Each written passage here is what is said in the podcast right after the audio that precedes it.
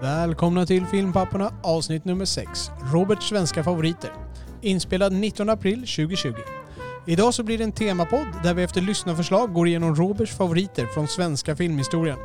Som vanligt så förekommer spoilers för äldre filmer, men de som fortfarande går på bio eller är färskt tillgängliga på annat sätt, de håller vi fria från stora spoilers. Åtminstone inte utan en ordentlig varning. Podden är möjliggjord av redovisningsbyrån Ekonomihjälpen som ni finner på ekonomihjälpen.se. Och med det så lämnar jag över till våra värdar, eminente Oliver Grassman och jag själv, Robert Lindblad.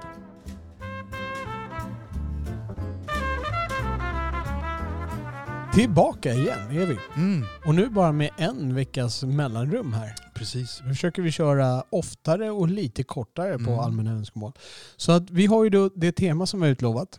Och eh, den här gången ska temat vara mina, Roberts, tre bästa svenska filmer. Och som traditionen håller även ett bottennapp.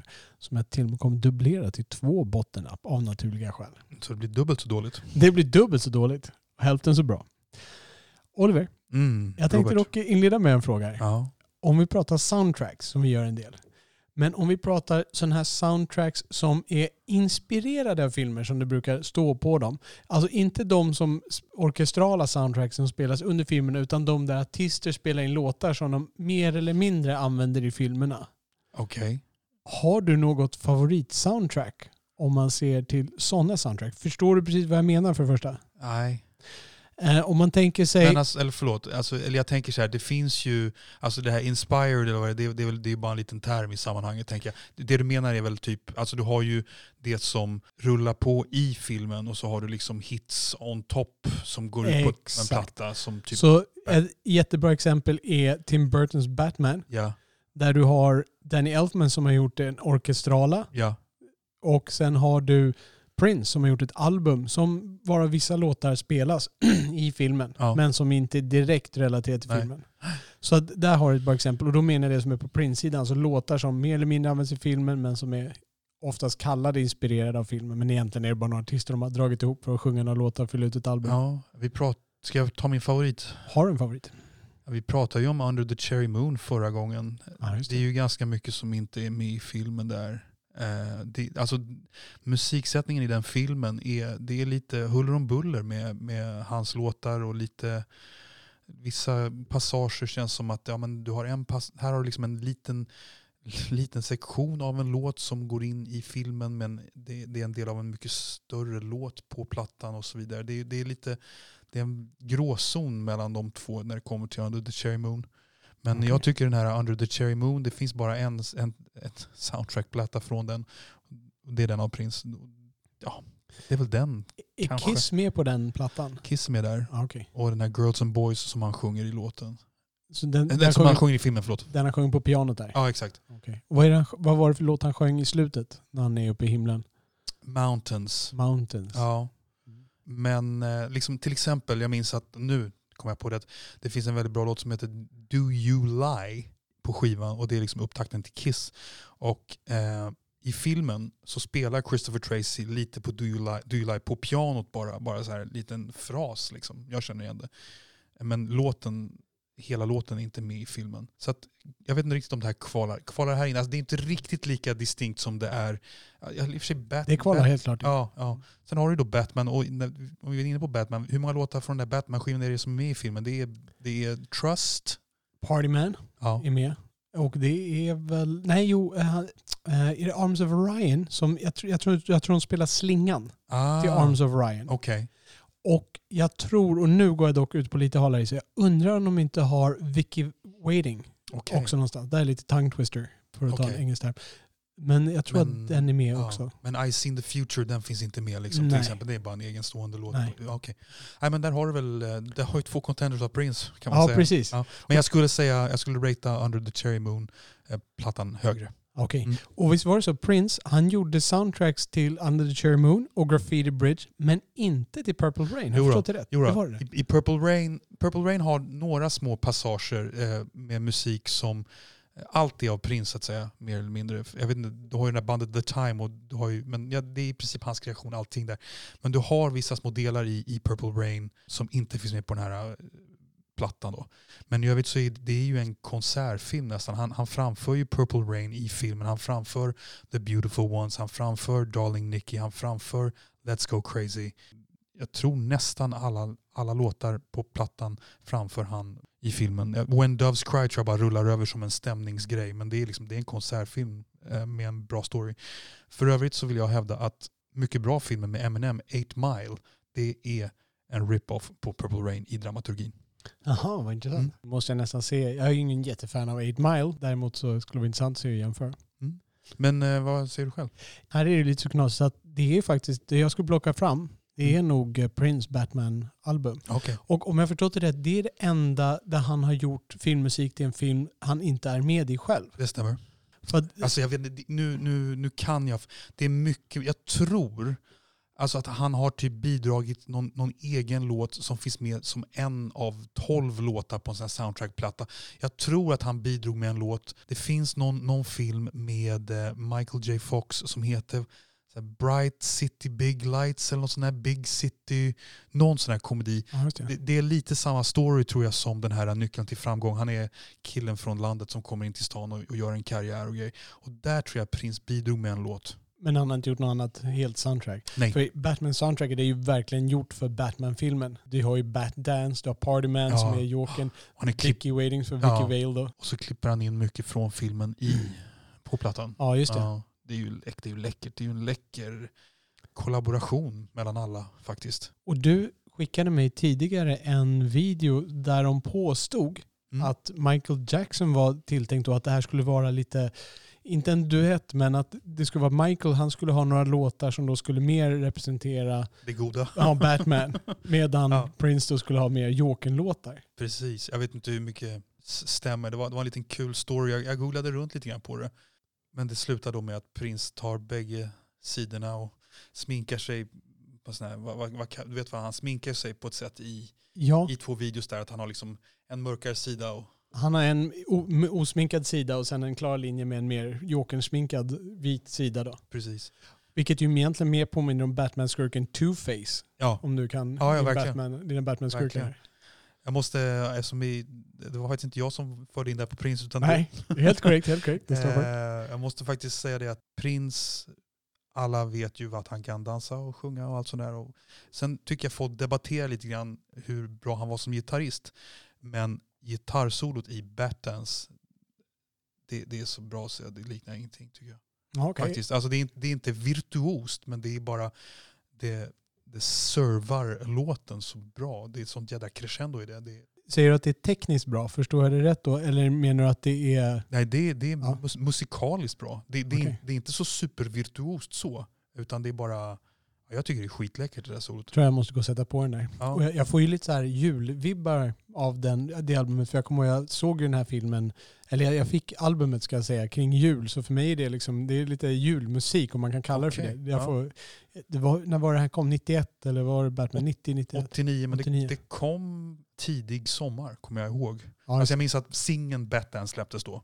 Så att eh, det marinerade under sommaren. Sen kommer inte jag ihåg när filmen hade premiär riktigt i USA. Men den kom väl till Europa på hösten har jag för mig. ja, så kan det ha varit. Jag, jag, fick, jag, fick, jag kom i alla fall över kring jultid. Sådär. Men eh, mys. jag som ändå babblar på om Batman, jag måste ju ändå säga en liten rolig grej och det är att den här, hela den här satsningen kring filmen Batman var ju helt jäkla enorm. Ja, just det, reklamen där. Ja, ja. Och jag har förstått som att filmen sett till biljettintäkter gick back. Man tog igen det på merchandise. Jag har hört liknande saker också. Jag vet inte hur sant det är, men reklamkampanjen den var ju massiv. De Mm. åker ju runt med bilar i Stockholm som hade bara liksom, som hade planscher på sig helt enkelt och bara för Batman och så ropar de ut någonting. Det, och det var ju ganska osett på den tiden. Sen dess har ju porrklubbarna tagit över där och kör runt bilder på. Ja, det var bättre när det var reklam för, för Batman. Alltså. Ja, bättre med Batman än boobs. Ja.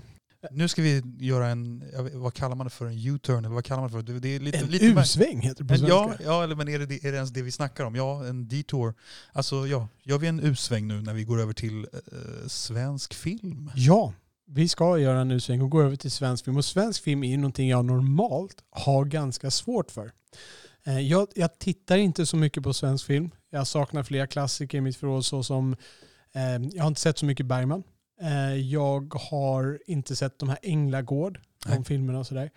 Vad är det mer man ska ha sett i svensk filmväg? Ja, jag vet inte, vi, eh, det finns ju några Bergman-rullar som, som man kanske ska ha sett. Då då. Om man tänker sig eh, en sån här film som jag bör se, som alla filmvetare bör se sägs det, det är ju Smultronstället Ja, av. Bergman.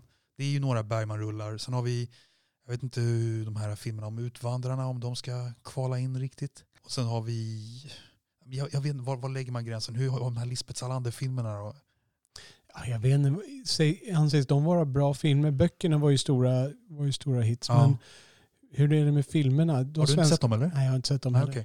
Ja, men jag, tycker, ehm, jag tyckte både första och andra filmen var bra. Sen trean tyckte jag blev eh, lökig.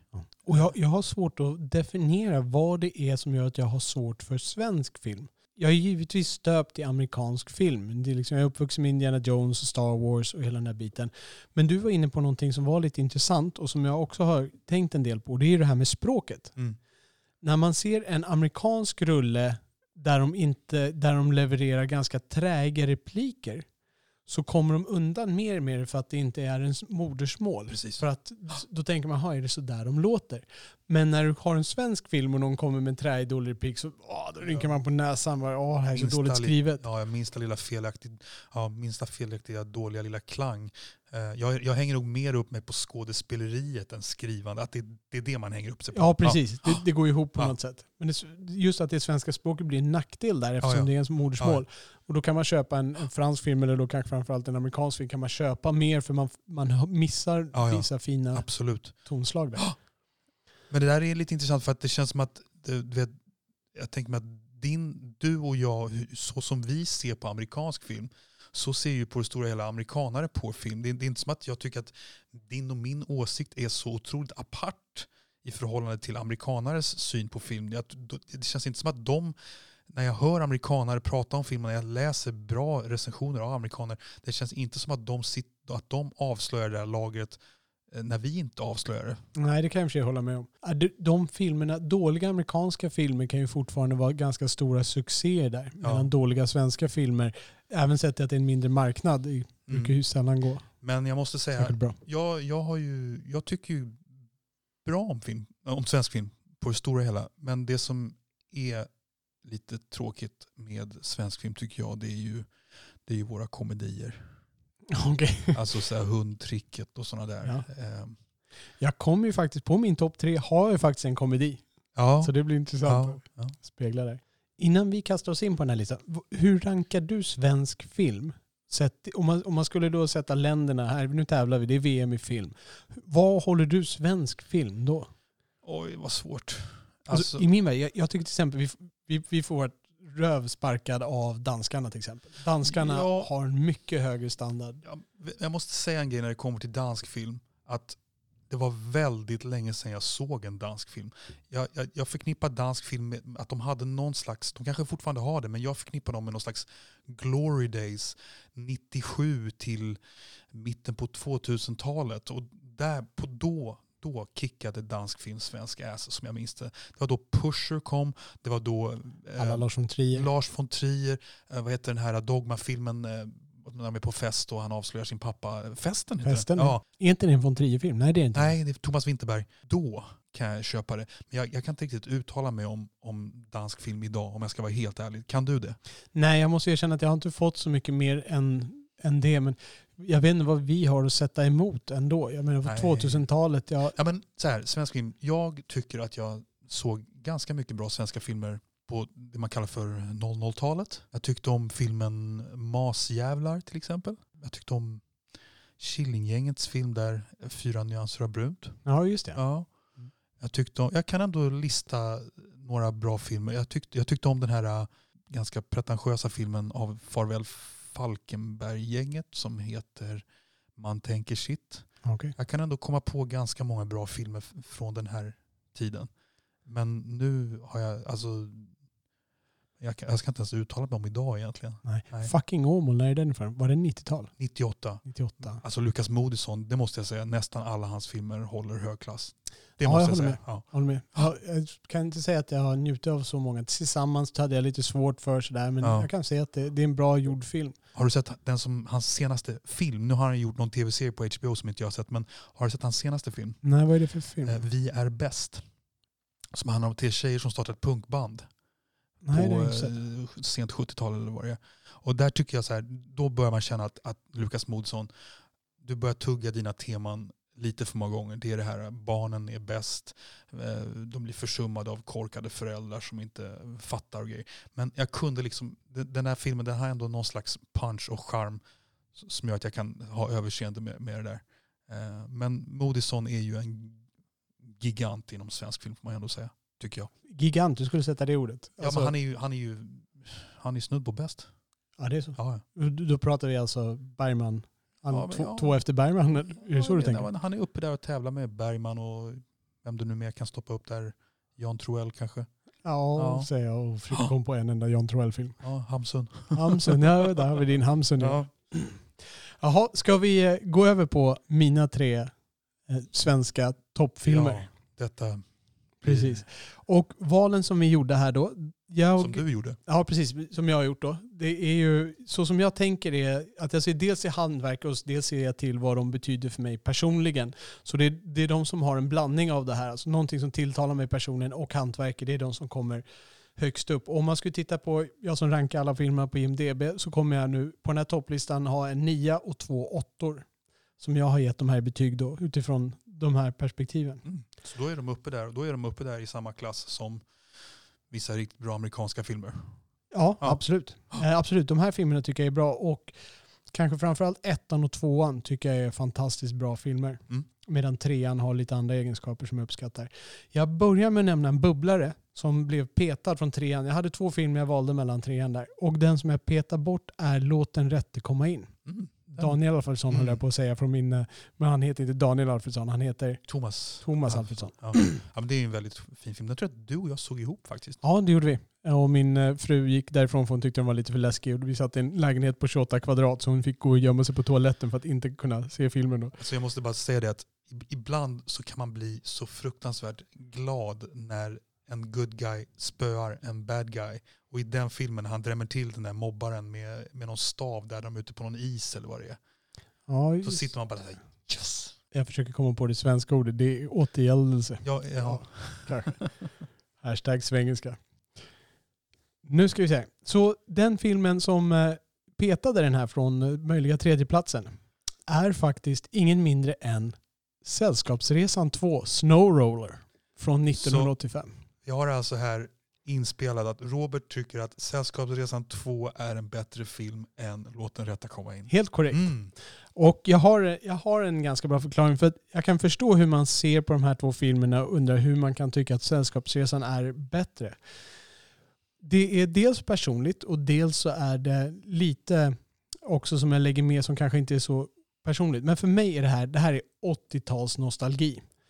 Eh, det är, det är så mycket 80-tal inbakat i det här. Vi är uppvuxna under 80-talet. Ändå, även om vi är födda på 70-talet så är det 80-talet som vi växte upp och det är de filmerna som vi, och den kulturen som vi stöptes i på något sätt.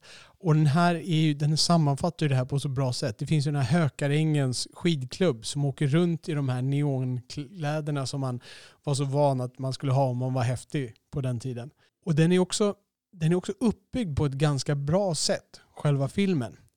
Det är, kommer du ihåg Plankan? Den här gamla som man gick på SVT när vi var mindre. Ja, det är några Anslags, gubbar. anslagstavlan? Nej. Nej, inte anslagstavlan, utan Plankan. Det är någon brittisk komedi. Det är några, ja, som, de ska frakta en planka då för att de ska bygga ett hus. ja, ja. Och så går de runt och du vet, och stöter ihop med olika Ah, sådär. okej. Och den här har lite samma stuk. Även om det är en film med en handling så har de lite samma uppbyggnad. Det är, liksom, det är bara buskis? Eller? Jaha, buskis. Ja. Exakt. Det är lite buskishumor i det här. Och Man går liksom från scen till scen och det är liksom något nytt, något klantigt, något sådär. Skojar liksom till det hela tiden.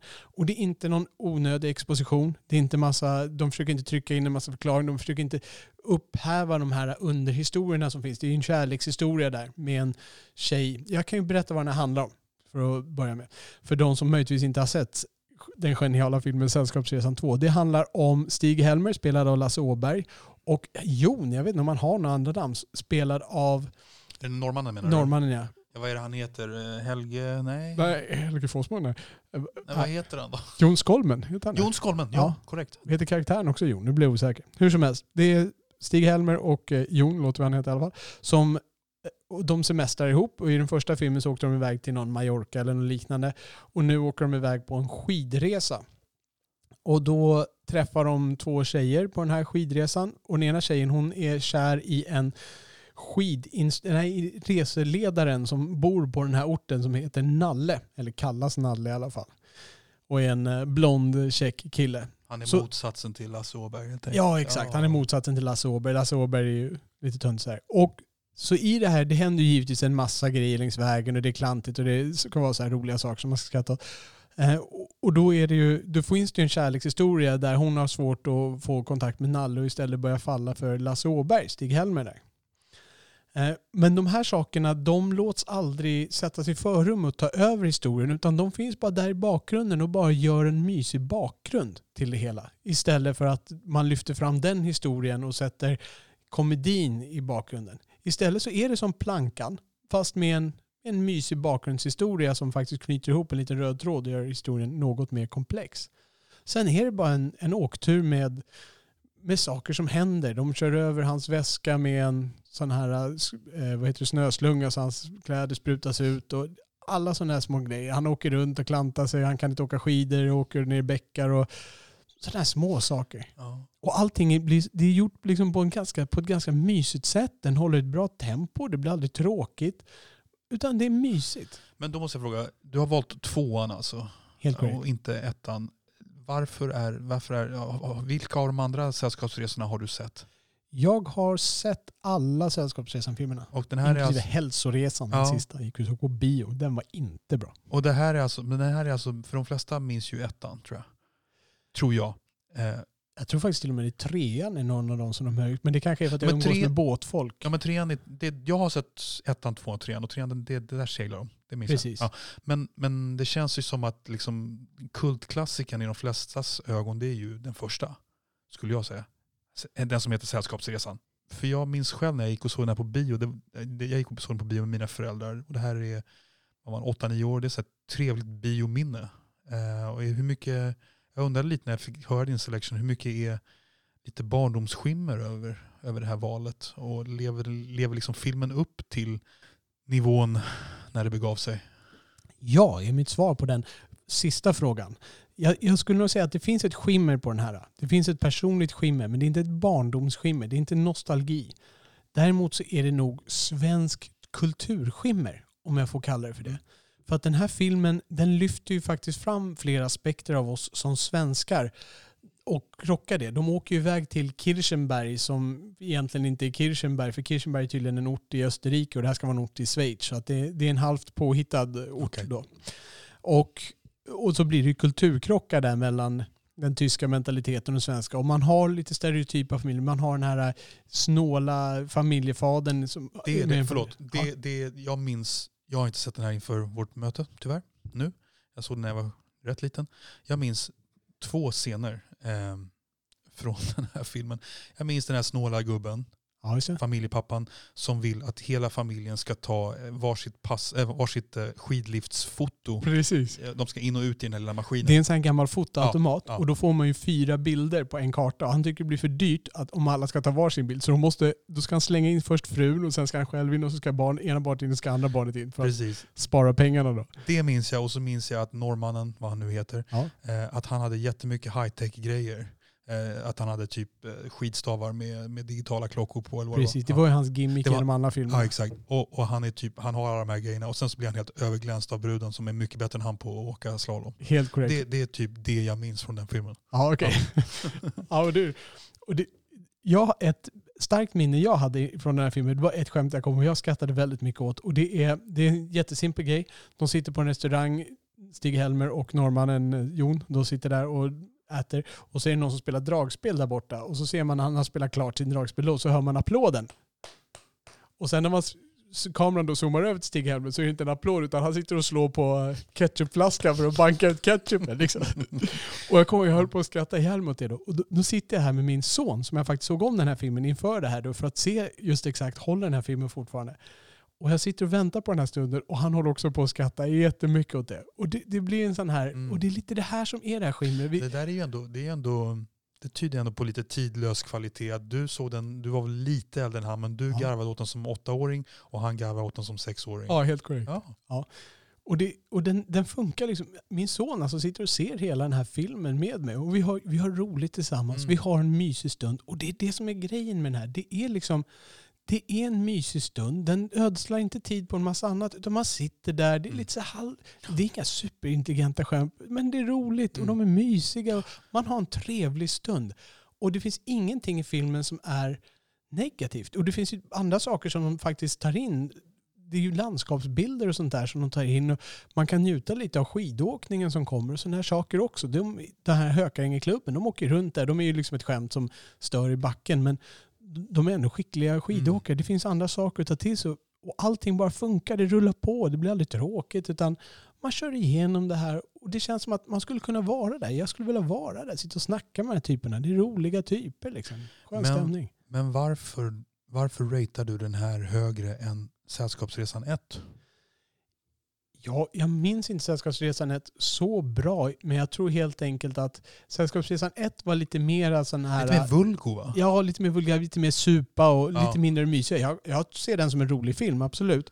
Men lite mera vulgär är nog Ja, ett bra ord ja. som kommer där. Kim Andersson har eh, med sig p-piller och kondomer eller vad det är. Och, det Ja, mycket exakt. Och göka, Sven liksom. Melander och vem är det med? Åke Cato, va? Är det Ja, Åke det, är, det är hela, det är de här snubbarna från Nöjesmassakern. Nöjesmassakern. Var det Åke Cato som var med? Och de, Det de kommer ska, inte jag ihåg men jag minns att han var i Nöjesmassakern. Ja, de ska i alla fall, de ska, Sven Melander och någonting ska iväg och supa hela Ja. tiden. De ska hitta det billigaste drickat. Och, Precis. ja, Och han har en sån här ful t-shirt som det står ikväll får 167 svenskar Ja, just gonorré. Ja. precis. Alltså det, det var lite annat stuk och det kan jag uppskatta. Men den här, den här når en annan nivå tror jag. En, fa, en familjenivå. Den är, det är verkligen en helylle film. Men min fru kom in när jag och Noah och min son satt och tittade på den här. Hon, hon stannade också ett tag liksom och kollade lite grann. För man, man njuter lite av den. Och det det- gör att jag håller den här filmen väldigt högt. Ja, men Lasse Åberg, han, väl, han typecastade sig själv genom att göra de här filmerna. Har du sett den här, um, den här när han gör lumpen? Har du sett den? Nej, Nej, jag tror den heter Repmånad. ja just det. Ja, men jag har sett bitar. Ja. ja, men det är ju liksom, ja så får han någon donna på slutet. Liksom. Ja. Hur, hur mycket är, är han så i verkligheten, Åberg? Jag vet inte faktiskt. Han verkar ju, Han är ju lite... han verkar ju vara lite ganska timid i Ja, privata och också. jag känns som att han är, han är ju lite geeky. Han har väl, eh, han har ju, som målare har han ju målat väldigt mycket Musse Pigg. Musse Pigg ja, med bananer och... Ja. Så han är, det här är väl någon slags förlängning av honom eller vad man ska antagligen. kalla det för. Han, han är ju inte en, jag, vet, jag vet ju inte riktigt det här om man, vad man ska sätta honom på en skådespelarskala. Man, man har aldrig sett honom utmanad, men här, han gör ju den här bra. Han fyller ju den här rollen bra. Absolut. Sagt. Så det, det är min trea. Har du någonting att tillägga om Sällskapsresan 2? Jag tror inte det. Nej. Minns jag, minns jag rätt att han fastnar i någon snöstorm med henne? Ja, helt korrekt. De får gräva ner sig och sen så när, de, när då snöstormen är över, de har åkt vilse på fjällen, de tror att de är vid glaciären och hon höll på att ramla ner. Liksom. Men sen visar det sig att de har stannat uppe på taket till den här lilla restaurangen som ligger en bit upp i backen och som grävt ner sig då i snön på taket där. Okay. Ja. Och det är, det, är typ, det är den där typen av skämt hela tiden. Mm. Och det är liksom skönt. Ja. En sak jag var lite förvånad om när jag såg om den var att i slutet, filmen slutar ju då med att de är tillbaka i Sverige, det har blivit sommar eller vår åtminstone. Och han får av en rik engelsman som de har träffat uppe i, eh, i fjällen, men i Alperna, så får han ett, ett helt lok. Så att sista scenen i den här filmen, då åker Lasse Åberg och de andra med det här loket och tuffar fram. För han gillar ju sådana här Märklin-tåg, alltså modelltåg. Så att han har fått det här då för att eh, den här rika engelsmannen uppskattar honom så mycket. Och sen åker de förbi och då är det återigen den här eh, pappan som är så snål och Ja. familjen som bråkar hela tiden, mamman och pappan bråkar i alla fall. Och då står de på en båt och hon ska kasta i ett ankare. Och så ska hon, ska hon precis säga till maken för att det finns inget rep och han bara säger tyst, säg ingenting, släng i ankaret bara. Säger- Så gör hon det bara. Men hur kunde du vara så dum och slänga in något utan rep? Jag försökte säga det till dig. Och så är det snöre tror jag de kallar det till och med. Okej. Och det är ju, det, jag vet inte, det står ju ingenting. Det står ju ingenting där om det var meningen att det ska komma liksom en trea, men det är ju precis det här trean handlar om när de åker ut i, på Ah, sjön istället. Så det det. var ju liksom som en liten teaser trailer som man skulle ha sagt. Ja. Ja, alltså det var min tredje bästa svenska film som petade Låt den rätte komma in. Och anledningen att den pekar, låt den, petar Låt den rätte komma in, det är just att Låt den rätte komma in, den hade jag tyckt om oavsett om det hade varit en amerikansk film eller en fransk film eller vad som helst. Men den här filmen tycker jag om för att det är en svensk film. Mm. Den här, för den, den är verkligen svensk i sin grund. Mm. Den har svensk kultur. Den här filmen skulle nog inte uppskattas lika mycket Nej. om man inte kommer från svensk kultur. Ja, men det, är en bra, det är en bra motivering faktiskt. Tack. Mm. Ska vi gå in på nummer två? Ja, Och nu kommer vi på de som man kanske väntar sig att prata lite grann om eh, när man pratar svensk film. Den näst bästa svenska filmen är en fantastiskt bra film. Och det, jag såg om de här filmerna nu inför den här dagen och jag blev faktiskt glad för att det här förhöjde min bild av svensk film. mm. Ja, och den filmen som jag har som två är Ingmar Bergmans Fanny och Alexander. Så det är alltså inte Sjunde inseglet, utan det är Fanny och Alexander av Ingmar Bergman. Den är från 1982 och det skulle vara hans sista film som han regisserade. Ja, det är väl hans... ja, Det är väl hans... eh, Hans sista ordentliga film Ja, får men det, är säga. hans sista, det är hans sista biofilm tror jag. Han, han gjorde ju liksom filmer för tv, men det här är ju mediumet, mediet film. Ja. Det är också, som vi pratade om förra avsnittet, så är det här Gunnar Björnstrands sista film. Ja. Han som är i Sjunde inseglet, som jag var så imponerad av i Sjunde inseglet. Ehm, han har dock en väldigt liten roll i den här. Han Mm. sitter på en teater och jag vet inte så om Mm. han hade någon replik överhuvudtaget. Jag måste säga att jag, jag är inte helt bombsäker på om det faktiskt är hans sista filmfilm. Jag tror vi kanske får ta en vända kring Corrections Department på den här punkten. Men potentiellt är det det. Ja, den här filmen är otroligt vackert filmad. Det är fylliga färger och dekoren i miljöerna som de är i är väldigt imponerande. Det påminner mig lite grann om vi talade, när vi talade om Scorsese så talade vi om Age of Innocence där jag också var väldigt imponerad av just dekoren, hur miljön som de rörde sig i. Det kändes som att man verkligen klev in i den tidsserien, i den tidsepoken. Och det gör man verkligen här, ännu mer än i Age of Innocence. Den Så här när utspelar den sig? n- början av 1900-talet. Ja. Ehm, så det är innan första världskriget. Och det handl- filmen handlar om, ja, ska man säga att den handlar om Fanny och Alexander? För den handlar ju nästan bara om Alexander. Mm. Fanny finns ju med där, det är, men det är två syskon, två barn. Alexander är tio år tror jag det ska vara i början av filmen då och sen utspelar den sig ungefär under två års tid och han har sin lilla syster Fanny med sig då. Och de bor i familjen Ekstrand, Ekdal, vad heter de? Eh, så Vilket är en förmögen familj där då med flera äldre bröder, eh, bland annat deras pappa. Och de här bröderna de har sina, sina laster och sina synder och sina begåvningar. Men de är i alla fall förmögna utom den ena brodern som har lite problem med, med pengarna där och lyckas förskingra och lite svarta får tydligen. Det är en verkligen en veritabel uppradning av våra stora teaternamn. Jarl Mm. Kulle är med. Erland Josefsson. Tack. eh, Fortsätt. Kristina Scholin. Ja, Eh, Ja. ja. listan kan göras Och så har vi Jan Malmsjö. Och så har vi Jan Malmsjö. Så nu tappar jag spår lite på handlingen här. Men det som händer egentligen i den här filmen det är att deras pappa dör. Och då gifter deras mamma om sig med Jan Malmsjö som är en präst i det här. Så hon gifter om sig med en präst. Eh, och den här prästen sen visar sig vara en inte alltför mild man. Utan en ganska sträng man som kommer från en sträng uppfostran och flyttar till hans hushåll som är mycket strängt. Han har sin syster där som kanske är den mest rabiata. Och han bor, hans, hans mor, alltså Jan Malmsjö, prästens mor, bor Mm. även kvar där i det hushållet.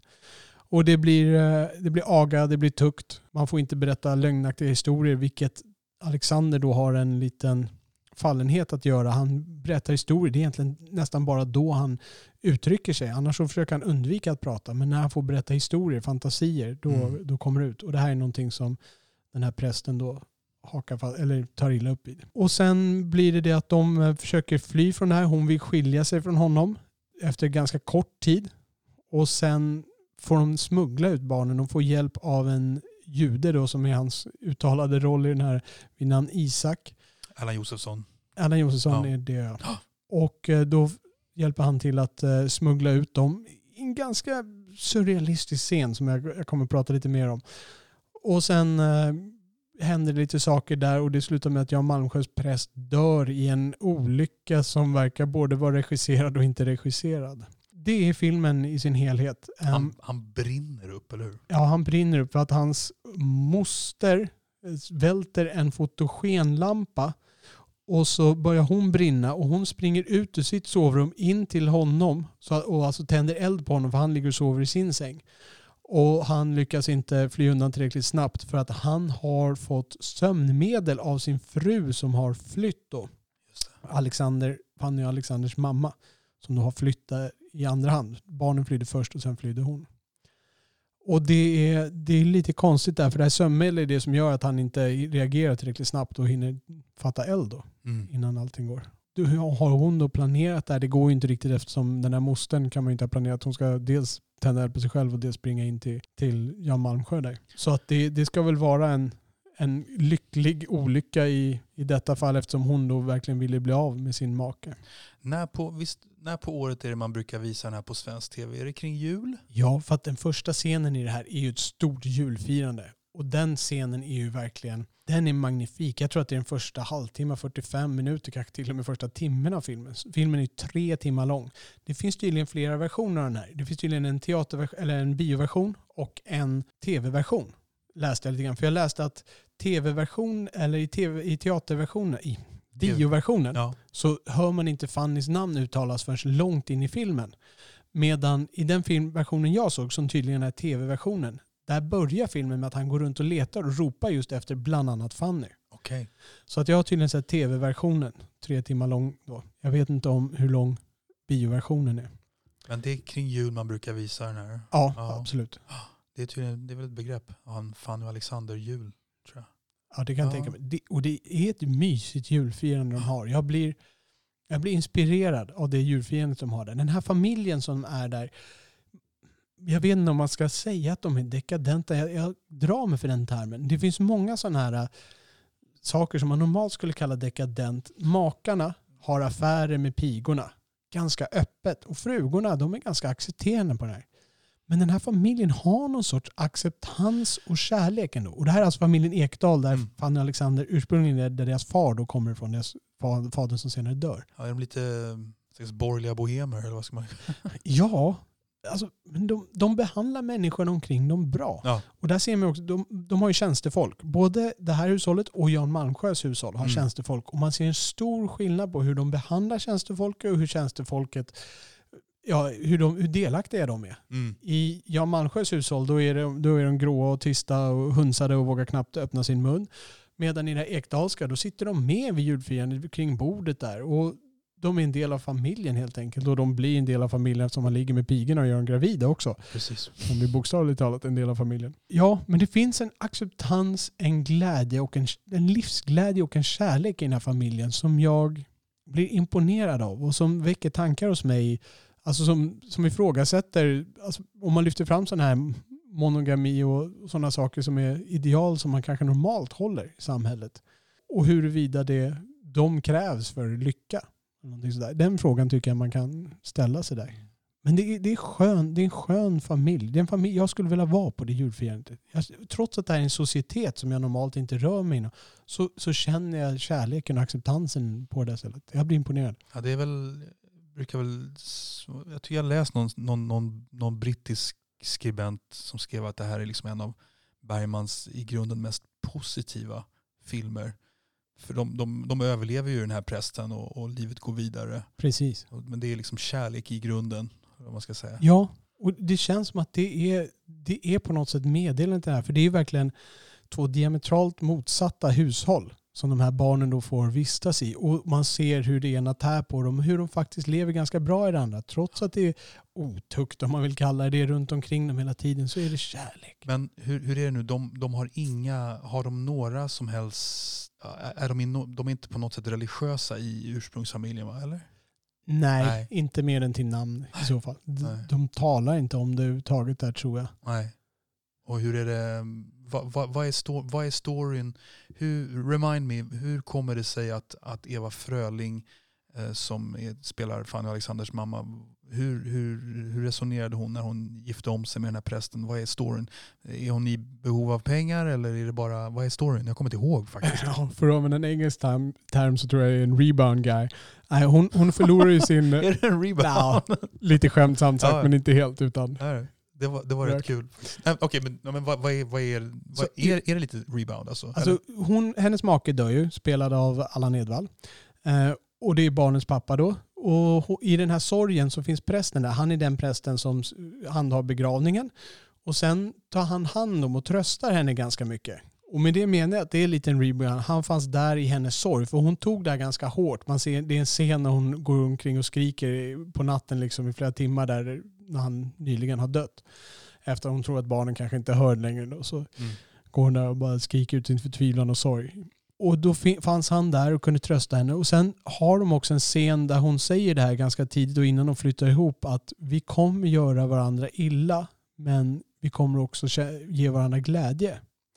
Så hon vet redan där att det, det finns negativa sidor. Sen tror jag hon inte insåg hur stark han var förrän hon kom till hushållet och då vill hon ganska snabbt fly Mm. därifrån med barnen. Hon är fortfarande en mor åt sina barn. Hon hänger sig inte åt den här prästen. Så det går ganska illa ganska snabbt där. Mellan dem skär det sig. Han vill dock tvinga kvar dem och han har också juridiken på sin sida. För om hon försöker ta barnen därifrån då har han rätten att ha kvar dem och så vidare. Så, där. så hon har problem. Hon kan inte bara sticka som man kanske skulle kunna göra i dagens samhälle. Alltså det, så det är därför hon hamnar med honom och som sagt de hamnar ju på tvären ganska snabbt. Vem är bäst av alla skådespelare i den här filmen? Oj, det är en jättesvår fråga. Barnen, Alexander får jag säga, han gör en jättebra insats. Han är en ung kille. Eh, han är dock ganska tystlåten. Jag tycker att showen i den här filmen och kanske den som bär budskapet främst är Jarl Kulle som Okej. spelar, heter han Karl Adolf eller hans karaktär. Han är en av sönerna då i den här familjen. Och han är levnadsglad. Det är han som främst ligger med pigor runt omkring honom. Han är den som är mest levnadsglad och han har en lång monolog på slutet. Han håller ett tal på, jag misstänker att det är ett dop. Det är faktiskt lite oklart. Precis, det är näst sista scenen eller någonting. När han håller en lång monolog som i stort sett mynnar ut i det här med livsglädje. Att njuta av de här små stunderna. Det är nästan lite buddhistiskt. Alltså njuta av det här lilla leendet som man får och av den här samvaron som man har. Eller det här samlaget man får med pigan. Ja, ungefär. Precis. Det är en stund, det är en Ja, härlighet absolut. liksom. Ha kul. Seize the day. Ja, och jag, eh, Eh, jag skulle nog vilja säga att han är den som blir mest framträdande. Jan Malmsjö gör en jättebra roll också. Han går inte till överdrift och blir den här stereotypiska elaka, men han är, han är ganska äcklig. Han, är försvar, försvarbart elakt, är fel att säga. Han, alltså Man skådespelarmässigt, förstår honom ja, Man förstår honom lite Man- grann. man ser hans bakgrund och, och det, det, det, är ganska logiskt det han gör. Liksom, att man, Mm. man, man ska aga barnen tills de lär sig och sådär. För det har han gjort. Han har alltså blivit instängd den där äh, farstun. Det är så man uppfostrar barn. mm. För annars skulle han själv behöva anklaga sina föräldrar. Jag undrar egentligen hur mycket Jan Malmsjös karriär blir färgad av det här. För här nu kommer det en ganska personlig grej. Men jag har alltid sett Jan Malmsjö som en liten elak jävel. Alltså utanför den här filmen. Och det tror jag är för att jag såg den här filmen någon gång när jag var liten. Liksom utan att uppfatta den här filmen egentligen. Och såg honom i den här rollen. Men nu kanske är en bra tillfälle för mig att köra en Yamato Lassi. Ja, berätta. För jag minns julen 2006 att jag hade sett, jag såg inte hela men jag såg en ganska stor del av Fanny och Alexander då. Jag har sett helheten men det var länge sedan. Men så, så ser jag Jan Malmsjö komma gående ner för gatan eh, med en polare. Och då bara får jag för mig att men jag går fram till honom. Så gick jag fram till honom och sa så här, ja, du jag såg eh, Fanny och Alexander igår. Han bara, oh I'm sorry. Typ. Jag bara, nej nej nej nej. Jag vill bara säga att du var bäst i filmen. Och då blev han så jäkla glad. Och, och, nu, vi, vi, vi använder ju engelska termer, du och jag hela tiden. Men, men han sa, you made my day. Ja, vad kul. Ja. det var en riktigt bra Lassie. Ja, jag vet inte om det är, rent tekniskt, det, jag vet inte, det är jag, jag, jag vet inte, är det ens en Lassie? Jag vet inte, det är jag och han. För dig blir det en Lassie kan man säga. Förstår du hur jag tänker? Ja, men jag tror det, ja, du, ja, men det blir en Lassie ändå. Du, Okej. alltså, du har mött en kändis, det Ja. räcker. Okej. Det, som vi konstaterade i förra avsnittet, så en, att eh, jag möter Lasse, det är att man antingen möter en, Lasse, eller att man möter en kändis eller är på samma ställe som en kändis. Men det skulle gärna vara så krångligt som möjligt att jag, min kompis hundvakt, bla bla bla, träffade den här. Då blev det en bättre Lasse av någon anledning. Men jag fick väldigt vänliga vibbar av honom i alla fall. Ja, Jag, jag, jag har ju insett det också, att mitt jag har ju blivit färgad av den här filmen och jag undrar om det är någonting som har, om det har varit så för andra personer. Det finns ju också en del, eh, en del andra skådisar som hade mindre roller. Pernilla Wahlgren, jag, jag lyckades aldrig se henne men hon ska tydligen vara med här. Hennes mamma är ju Kristina Skolin. precis som Ja. här, har en roll i den här filmen. Peter Stormare var Mm. där och bar en koffert också. Men det var allt han gjorde. Det här är 1982 så han kan inte ha varit så gammal då. Nej. Sa du Pernilla August? Ja, hon, hon spelar en av pigorna så hon har en Just ganska det. stor roll. Ja. Hon hette något annat i efternamn då. Men, ja. Ja, precis. Det gjorde hon. Det såg jag också. Och jag, känner, du vet, jag känner igen henne, men jag kunde inte placera henne först innan jag ser Liksom innan jag kom på att det är hon och kan se den äldre personen och sen då skala tillbaka det. Hon är ju väldigt ung i den filmen. Mm. Spelar den unga pigan som heter Mia kanske? Nej, hon heter något annat. Ja, nej men en intressant sak med Jan Malmsjö där. Mm. Vet du vem som egentligen var peggad att ha den rollen? Max von Sydow som tackar nej.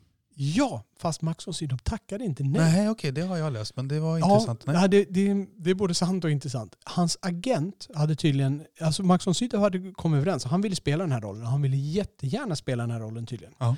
Men hans agent hade skickat då ett svar, han hade liksom inte, de hade inte kommunicerat, så hans agent hade skickat svaret. Då ville Max von Sydow ha procent på den här filmen, eh, på intäkterna. Och den här filmen var redan ganska pushad i budgeten. För det här är alltså den, på sin tid var det här den dyraste och mest omfattande svenska film som någonsin hade gjorts. Okej. Någonsin. Ja. Och när vi kommer till vårt bottennapp så kommer vi få reda på vem som har tagit över den titeln senare tid. Men i alla fall, så de, de klarade inte av att göra det här. Så då, då sa de, nej då, då funkar inte det här. Och så var det inte mer med det. Så då letade de upp Jan Malmsjö och började ordna in det. Och när Max von Sydow fick reda på det här, då var det för sent. Då hade det gått för långt. Liksom. Okej, Så att han ville egentligen göra den här rollen tydligen. intressant. Det, finns ju, det är också så att det finns ju någon version som är 5 minuter 45, 5 minuter, 5 timmar och 45 minuter lång av den här. För de spelade ju in en väldigt lång film och Bergman ville egentligen ha hela den här 5 timmar och 45 minuters klippet. Men alltså fem, fem timmar och 45 minuter, är det motsvarigheten till de här, de här tv-avsnitten då? Nej, Den- Nej den, den som jag såg som tydligen är tv-versionen, den var tre timmar lång. Och Okej. jag misstänker att bioversionen är något kortare. Man kan, ha- kanske två och en halv någonting. Det kan vi kolla upp till nästa Okej. gång.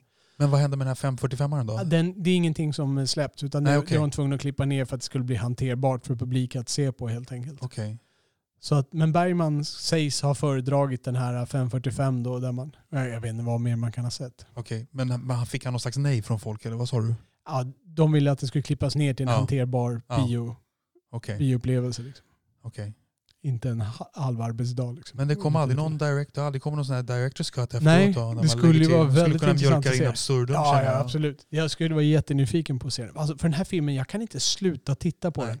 När jag, tittar på, och, och det har gett den här filmen en åtta. Och eh, hantverket i den här filmen ger en tia, helt klart. Fotografi av Sven Nykvist. Sven Nykvist, Mm. vad har han gjort mer? Mycket Hollywood. Alltså mycket Bergman. Jag, jag, vet, jag kommer inte ihåg vilken film eh, han började med Bergman. Han, han gjorde viskningar och rop.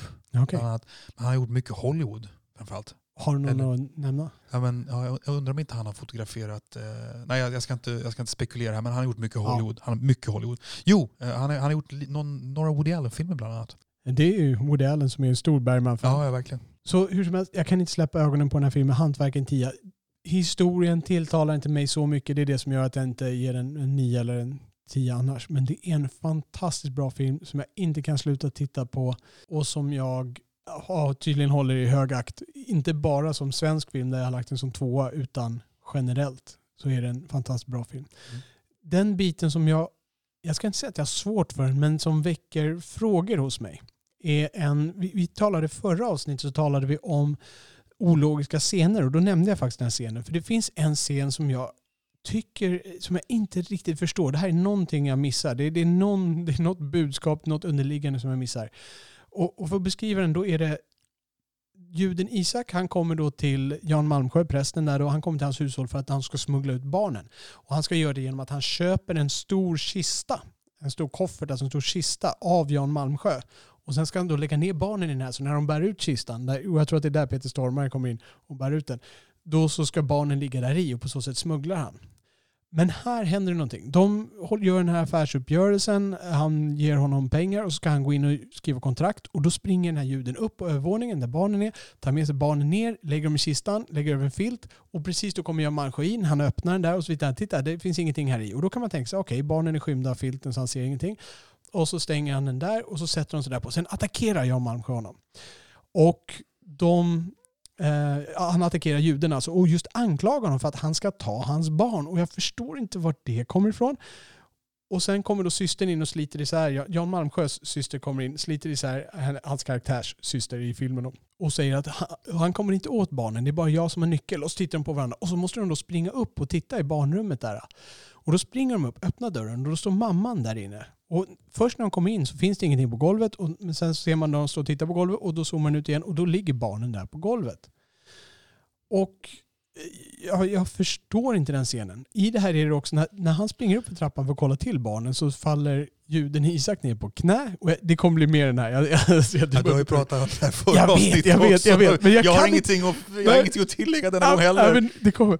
För i, när han springer upp, då faller den här juden Isak ner på knäna och så är det liksom, ah, han har ett teatraliskt skrik där då ensam i hallen och så tänds det en lampa ovanför, alltså som en strålkastare på honom då, så, så det blir nog surrealistiskt. Ja, det, det kliver ut ur filmen plötsligt liksom sådär. För det, Men- det har varit en ganska saklig film. Ja, Och sen, när, sen då när de förs bort till den här juden Isak i hans hem, då är allting väldigt surrealistiskt där. Och inte bara det som händer utan färgtonerna utanför deras fönster när de, i det rummet de ska bo. Allting är väldigt rött. Och utanför så är det liksom höstlöv, men det är en tydlig kuliss. Det är så här, nu ska vi spela barnteater och så sätter vi upp en orange vägg och så klistrar vi fast några löv på den. helt osökt um, kommer jag att tänka på ehm, Stanley Kubrick. Stanley Kubrick var ju helt vansinnig perfektionist. Men av någon anledning i början av The Shining så är det ju en blooper. Vet du vilken blooper jag snackar om? Nej. Nej. De panorerar över berg in, på väg in till det här hotellet. Och då plötsligt så ser man en, en helikopterskugga som han inte har orkat eh, klippa bort. Okej. Och det var väl någon så här, eh, för en gångs skull, nu, nu tar jag en engelsk term här. Jag vet inte om Stanley Kubrick bara hade en, för en gångs skull hade en a moment of weakness. Bara fuck it, jag orkar inte bry mig. For once liksom. Okej. Är detta Bergmans motsvarighet i filmen? Absolut inte. För det finns någonting i det här som är, det finns ett budskap. För den, så här, surrealismen fortsätter ju. Efter de har varit i det här rummet och kulissen plötsligt blir helt annorlunda. Det är en dockteater då som den här juden verkar bo i tillsammans med sin bror tror jag det är. Och de har ytterligare en bror som bor inne i ett rum som man inte får gå in i. Och när de går in dit så är det en, det här är också en skådespelare som jag borde kunna namnet på, en, en, en finsk tjej Mhm. som eh, hon bryter ganska tydligt på finska. Och hon spelar en kille då i den här. En finlandssvenska? Ja, finlandssvenska. Okej. Och- Jag, jag, inte hon. Jag vet ju, jag vet ju en skådespelare, finlandssvensk skådespelerska vi har på Dramaten. Jag kommer inte på, är det Stina Ekblad? Nej. Det Kan gissa, det. jag bara gissar. Ja. Det kan det mycket väl vara. Jag är inte så bra på namnen där. Corrections. Ehm, den här, hon, är, hon är också väldigt surrealistisk. Hon kommer liksom in i Alexanders huvud och kan se vad han ser. Och hon kan se det här incidenten som händer med elden och det där medan hon sitter bredvid honom. Och det här, är en, det här är verkligen en del i filmen som skiljer sig från resten. Mm. Och jag har lite svårt, jag känner ju att det finns ett budskap, jag känner att det finns någonting där. Och där pratar hon pratar mycket mer om Gud. Finlandssvenskar pratar mycket mer om Gud och, och, och frågor liksom kring det här. Och det finns ju mycket Gud, i det lilla jag har sett av Bergman så är det mycket Gud. Sjunde inseglet, det är, det är, det är, frågeställningen är Guds tysthet liksom.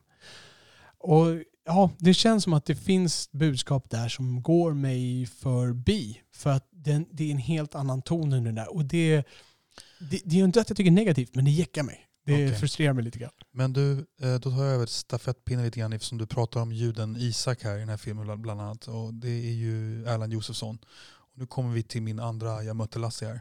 Jag var ungefär 19 och jag jobbade på något jättekonstigt företag. Eh, Jag rekryterade folk till marknadsundersökningar. Rekryterade jag dig någon gång? Oh ja, jag ställde villigt upp. Ja, och jag, jag satt liksom på det här företaget i princip själv. Eh, jag, fick bara liksom stänga igen och gå sen. Ingen security alls. Där satt jag och skulle liksom ringa folk lite randomly var tanken eh, för att få in dem i marknadsundersökningarna. Och och så liksom i något skede så blev jag bara uttråkad av det. Så då ringde jag upp till, till min kompis Kristoffer och läste upp de här standardfrågorna. Jag skulle, det var någon sån mat, mat, eh, de skulle tycka till om mat. Så jag gick till Kristoffer och skämtade om det här. Jag bara, ja, men vad, liksom, eh, hur ofta lagar du frukost? Eh, Gillar du HP-sås? Gillar du ketchup? Och så här riktigt tråkiga frågor. Liksom.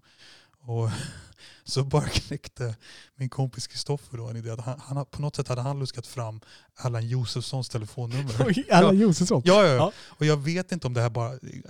Det här är ju liksom 90-talet. Jag vet inte, han kanske bara stod i telefonkatalogen. Eller om Kristoffer hade någon liten gräddfil in i svensk teatervärld. Jag vet inte. Men jag fick... Han bara, kan inte du ringa och ställa de här frågorna till Allan Josefsson? Jag bara, okej då. Han tjatade ju i en kvart innan jag gjorde det här. Och har du ringt till Allan Josefsson? Ja, Okej. ja men vi kommer till det här nu. Ja. Ja, ja. ja, och så, Kristoffer bara, "Ja, men kom igen nu, ring till Allan Josefsson, det här blir skitkul. Jag bara, nej, nej, nej, men gör det, gör det. Och så bara, "Okej, okej då, okej då, det här blir kul, minne för livet. Så då ringde jag sån här trepart man kunde göra. Jag tror inte man kan göra det längre. Vet du vad jag menar? Jo, det går. Okej, så då, med det där pipet man hör i Ja, bakgrunden. Ja, just det, man har ett pip att det är någon annan. Det man. Precis, så jag ringde till Allan Josefsson ja, Josefsson bara, jag tror han var 70, 72 då. Josefsson bara, eh, Erland Josefsson. Ja hejsan, jag ringer från marknadsför, eh, marknadsbolaget eh, bla bla bla. Jag, jag tänkte, kan jag få ställa några, några frågor kring dig? Det är några frågor till dig. Har lite så konsumtionsvanor. Och Erland bara, ja visst absolut kan du göra. Självklart. Han, han lät så här måttligt intresserad men han, Ja. men han var ändå väldigt artig. Så jag bara, hur, hur ehm, lagar du mat? Ja, jag lagar, jag lagar, jag kokar ett ägg till frukost på morgonen. Och så här, och ja, äter du ketchup? Ja, det händer. Tycker du om HP-sås? Nej. Och så var det sådana där frågor som jag plågade honom till att svara på. Och så på slutet bara, och, eh, vad, vad, eller så frågade jag, så, "Ja, vad jobbar du med? Ja, jag är skådespelare. Och, och så på slutet kom jag ihåg att jag var tvungen att fråga så här, du, ja, och får jag f- avsluta med att fråga, hur, hur gammal är du? Och Josefsson bara, 72 år gammal. Ja okej. ja. Jag, säga, jag tänkt, tanken är att man ska hitta lite profil här och vara med i en marknadsundersökningsgrupp och prata om, de, om, de, här, om de här grejerna. Men, men du är då du är för gammal för det här visar det sig. Ehm, så att vi, vi, vi, vi, liksom, vi, lägger- vi avslutar här. Tack, tack så mycket för din medverkan. Och Erland bara, eh, tack så mycket. Jobba på på ditt håll så jobbar jag på på mitt. Och så la vi på. Och sen så pratade jag med Kristoffer. Kristoffer han legat i bakgrunden och vekt och skratt fullständigt. Men eh, ja, där har du min eh, Lassie och Erland Josefsson. Alltså du, du har ju en hel Lassie-kennel här. Det här Ja, men jag har några sådär. Guldmaterial. Ja, ja, absolut. Ja. Ja. På sätt och vis så tycker jag att den här Erland Josefsson-storyn är eh, bättre än Jan Malmsjö. För den, eh, den var lite mer proaktiv och det var liksom lite mer quirky. Och liksom I Stockholm man kan ju ändå liksom bumpa in i, i celebriteter ganska titt som tätt. Så att säga. Brukar du göra det, du som bor i Stockholm? Ja, men alltså man ser, man ser, det är inte som att man, man är inte tjenis med folk, men man, jag tycker man ser folk lite här och där. Absolut. Jag bor i Tyresö, jag ser Tobbe Trollkarl en gång om dagen, men han, inte mer så. Ja, men han är cool. Ja, det är han. Jaha, ja, jag vet inte om jag har så mycket mer att säga om eh, Fanny Alexander. Jag, jag skulle vilja på något sätt kunna uttrycka mina känslor för mycket jag beundrar den här filmen. Den, den skapar en mysighet eh, och det är ett fantastiskt hantverk. Jag kan inte slita mina ögon från den helt enkelt. Jag, jag kan inte låta bli att sluta titta på den när jag börjar titta på den. Och hur är det, har du, hur många Bergman, är det, har du sett två Bergman-filmer totalt? Och den här och Sjunde inseklet? Ja, jag tror nog att det kan vara korrekt. Jag har sett en del andra Bergmans tv-grejer med Peter Stormare de här Just det. mot slutet. Eh, Men det är, nog, det är nog det jag har sett av Bergman. Ja. Där. Och jag vet att jag borde se Smultronstället. Jag borde se säkert någon film till. Mm. Eh, Men det är det jag har på Bergman-repertoaren. Ja, nej, då säger vi tack till Fanny Alexander. Men det var ju, trots, mitt, eh, trots de höga orden så är det ju inte den film jag tycker är bäst. Nej, jag trodde faktiskt att, jag visste ju vilka tre du skulle presentera, men jag visste inte, jag hade trott det skulle vara en annan ordning. Jag trodde Fanny och Alexander skulle komma etta faktiskt. Ja, det var så. Ja. Nej, den film som jag har som etta, den bästa svenska filmen genom alla tider Genom alla tider. i min värld är filmen från 2010 vid namn Snabba Cash. Oh yeah. Och det är alltså den första Snabba Cash-filmen. Det har ju kommit två stycken andra sen. Snabba Cash 2 och Snabba Cash 3 Tre. Livet Deluxe. Jag hade den som en undertitel. Hade tvåan någon undertitel? Jag kommer bara ihåg två och tre faktiskt. Jag tror. det, det som gör att den här toppar Fanny Alexander är för att det här är en historia som tilltalar mig mer. Hantverket är jättebra i den här. Den är regisserad av Daniel Espinosa. Som är Hollywood sen dess. Ja, han, han drog över till Hollywood efter det. Och han gjorde, han gjorde en film som, jag, när jag kollade upp honom så blev jag lite överraskad. Det är en film som du och jag har haft på lite- vår lista Ja, hur länge som helst. Ja men det var lite grann därför jag höll på att tjata om den. Att, Ja. Visste inte du att det var därför? Nej, saken var att jag hade inte sett Snabba Cash när Nej. du började tjata om den här. För Nej. du började tjata om att vi skulle se filmen Safe House Yes. för jättemånga år sedan. Och vi sa ja, bra. Vi, och den här, du har inte sett den än? Nej, vi var en tio år sedan. När kom den ut? 2012 typ? Ja. Ja, n- eh, 2010 kom Snabba Cash ut. Ja. Så då kan Safe ha varit 2012 eller någonting Ja, sånt. just kan stämma. Ja, vi har fortfarande inte sett den. Nej, det är en Denzel Washington-film eh, som då är regisserad av Daniel Espinosa. Det var hans första Hollywoodfilm. Sen har han gjort Child 44. Mm. Han har gjort Life, som jag gick och såg på bio faktiskt, som är en rymdfilm. De hittar en organism, jag tror på Mars eller något sånt här, och så tar det över lite alien-stuk på ett rymdskepp. Eh, den filmen i sig var inte så bra, men jag tar nog ingen att klaga på i regin. Sådär. Sen håller han på att göra, tyvärr, göra Morbius nu, som är en sån här superhjältefilm, lite mer obskyr superhjälte med vampyrtendenser eller någonting sånt där. Okej. Inte Men så- Morpheus, Morbius. Morbius, ja. Okej. Jag känner inte till superhjälte utan jag läste bara på. Jag har bara hört lite grann Ah, ja. Spelad av Jared Leto. Tydligen. Mhm. Ja, så, här, så att det, det är säkert bra pengar men det är inte riktigt de filmerna som jag var så nyfiken att se. Den här filmen, vad den handlar om, egentligen det är tre parallella historier. Och det är i Stockholms undre värld Yes. kanske man kan kalla det. Vi har Joel Kinnaman som spelar en student. Han pluggar på Handels och han rör sig med den höga societeten med Östermalms snobbarna. Mm. Men han själv är egentligen från en ganska fattig bakgrund och han är ganska fattig nu. Men han, han har en fasad. Han låtsas att han är rikare än vad han är. Han köper billiga kläder och så ser han på dyra märken för att de ska se dyra ut och liknande. Så han, ha- han har egentligen en fasad. Sen åker han runt på nätterna och kör svarttaxi för att få ihop pengar till det hela då. Och så läser han på Handels. Handels, ja. Så- Men han är ganska duktig student tydligen. Han hjälper de andra kompisarna med deras uppsatser och får lite betalt på så sätt. Ja.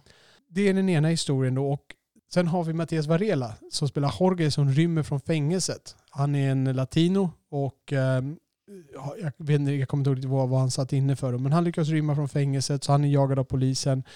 Stukar foten när han eh, precis kommer ut så han haltar resten av filmen.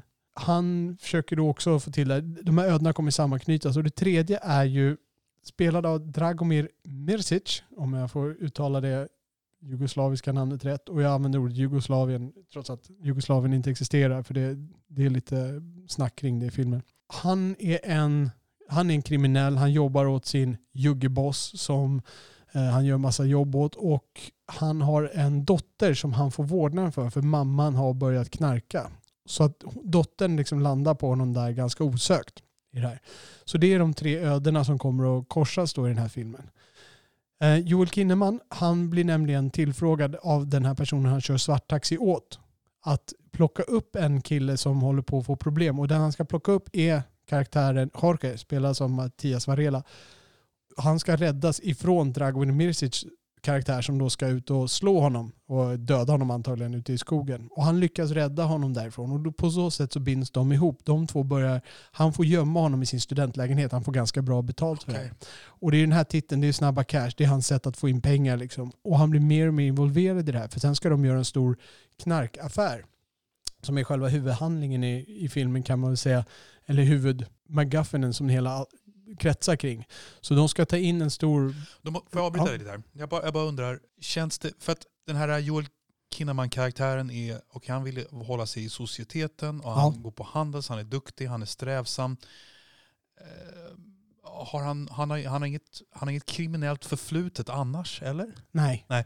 Och här plötsligt så, så bestämmer han sig för att börja göra en knarkaffär. Från att ha varit en strävsam handelsstudent så, så gör han den här rejäla hoppet ut i det kriminella. Lå- Låt mig rätta mig lite grann. Det beror på vad man menar med kriminell. Han kör ju svarttaxi. Ja men det är ju minor i sammanhanget. han, är, han är ju redan eh, i- maskopi med, med den här personen som ber honom om en ytterligare liten chans. Han ska bara plocka upp en viss kille så får han tio lök. Som de säger, liksom 10 000 kronor. Liksom. Okej. Så han ber honom om en tjänst och han behöver pengar. Så att det finns en motivation, det finns en logik. Det är inte så att han plötsligt bara blir liksom Nej. Al Capone. Nej.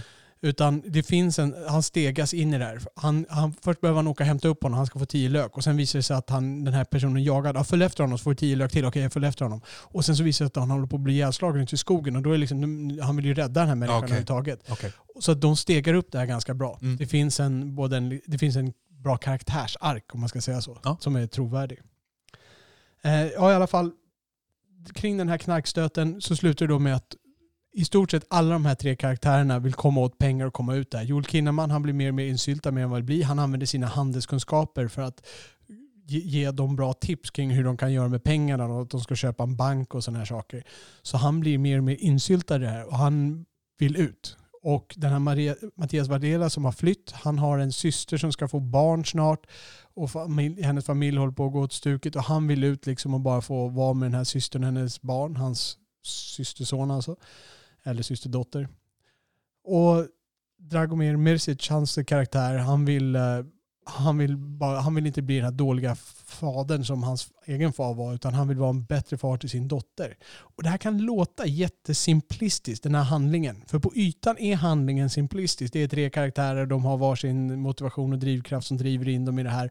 Och de har alla en eh, på olika sätt stökig bakgrund, stökig familjerelation från tidigare.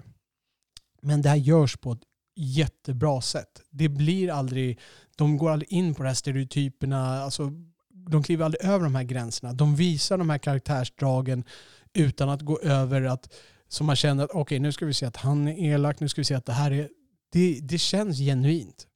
Och det jag är mest imponerad av är kanske Dragomin Mircic. För han är, alltså, han är ingen skådespelare utan han är en före detta bankrånare. Och man kan se det i många scener som han gör. Att han inte har liksom skådespelarbakgrund och kanske en måttlig skådespelartalang. Men han säljer det. Jag köper allting han säljer. Jag köper hans relation till hans dotter. Jag köper Joel Kinnaman. Jag, är, jag vill tycka om Joel Kinnaman, hans skådespeleri också. Jag gillar honom. Men jag är inte så förtjust i hans skådespelartalang. Jag, det mesta som man ser nu spelar han bara samma Robocop. Robocop-figur ungefär. Han spelade ju Robocop Mm. då, bokstavligt talat. Medan Mattias Varela kanske är den som är den skickligaste skådespelaren här och som har gjort kanske bäst grejer både i de här filmerna och efteråt. För jag minns, när det kommer just till Mattias Varela, Ja. så tyckte jag han, jag tyckte han var mer helgjuten i tvåan faktiskt. Och Han fick en större roll där också. Ja, men det, det var liksom, det var någon, det var någon machoscen där, där han verkligen fick köra all in i tvåan som jag tyckte var mest minnesvärd av honom. Det jag minns från ettan tyvärr, jag gillar Mattias Varela, hans spanska är skit. Hans uttal suger. Jaha okej. Ja, och alltså han, jag, jag tror att han, ja, han, Varela, han har ju något latinskt påbrå själv, men han, hans spanska, jag, jag satt bredvid en, en chilensk polare faktiskt bara, vänta nu, det här är inte bra spanska, eller hur? Jag kan höra att han bryter. Ja, Okej. Och min polare Anders bara, lätt. Ja, Okej. Så, spanskan är dålig. Ja, Okej. Mm. Det är intressant för han spelade ju med i Narcos. Jag tror han har putsat upp den sedan dess, Ja, Okej. faktiskt. Ja, det kan jag tänka mig. Jag tror, inte han pratar så jättemycket spanska där, men i Narcos säsong två, du vet Narcos är en tv-serie Ja. på Netflix där ettan handlar om Pablo Escobar och säsong två då, då handlar det om, eh, på skurksidan, och där är det Mattias Varela som spelar huvudrollen Mm. bland skurkarna. Och han gör en jättebra roll i den. Mm. Ja, men han har säkert putsat upp det sedan dess. Ja, okej. Men det var så här otroligt minnesvärt. då. Ja. Ja, men så, så de här alla tre karaktärerna, de köper, och det är just det att det finns tre protagonister och jag, jag känner med alla tre. Jag vill att alla tre ska komma vinnande ur den här situationen.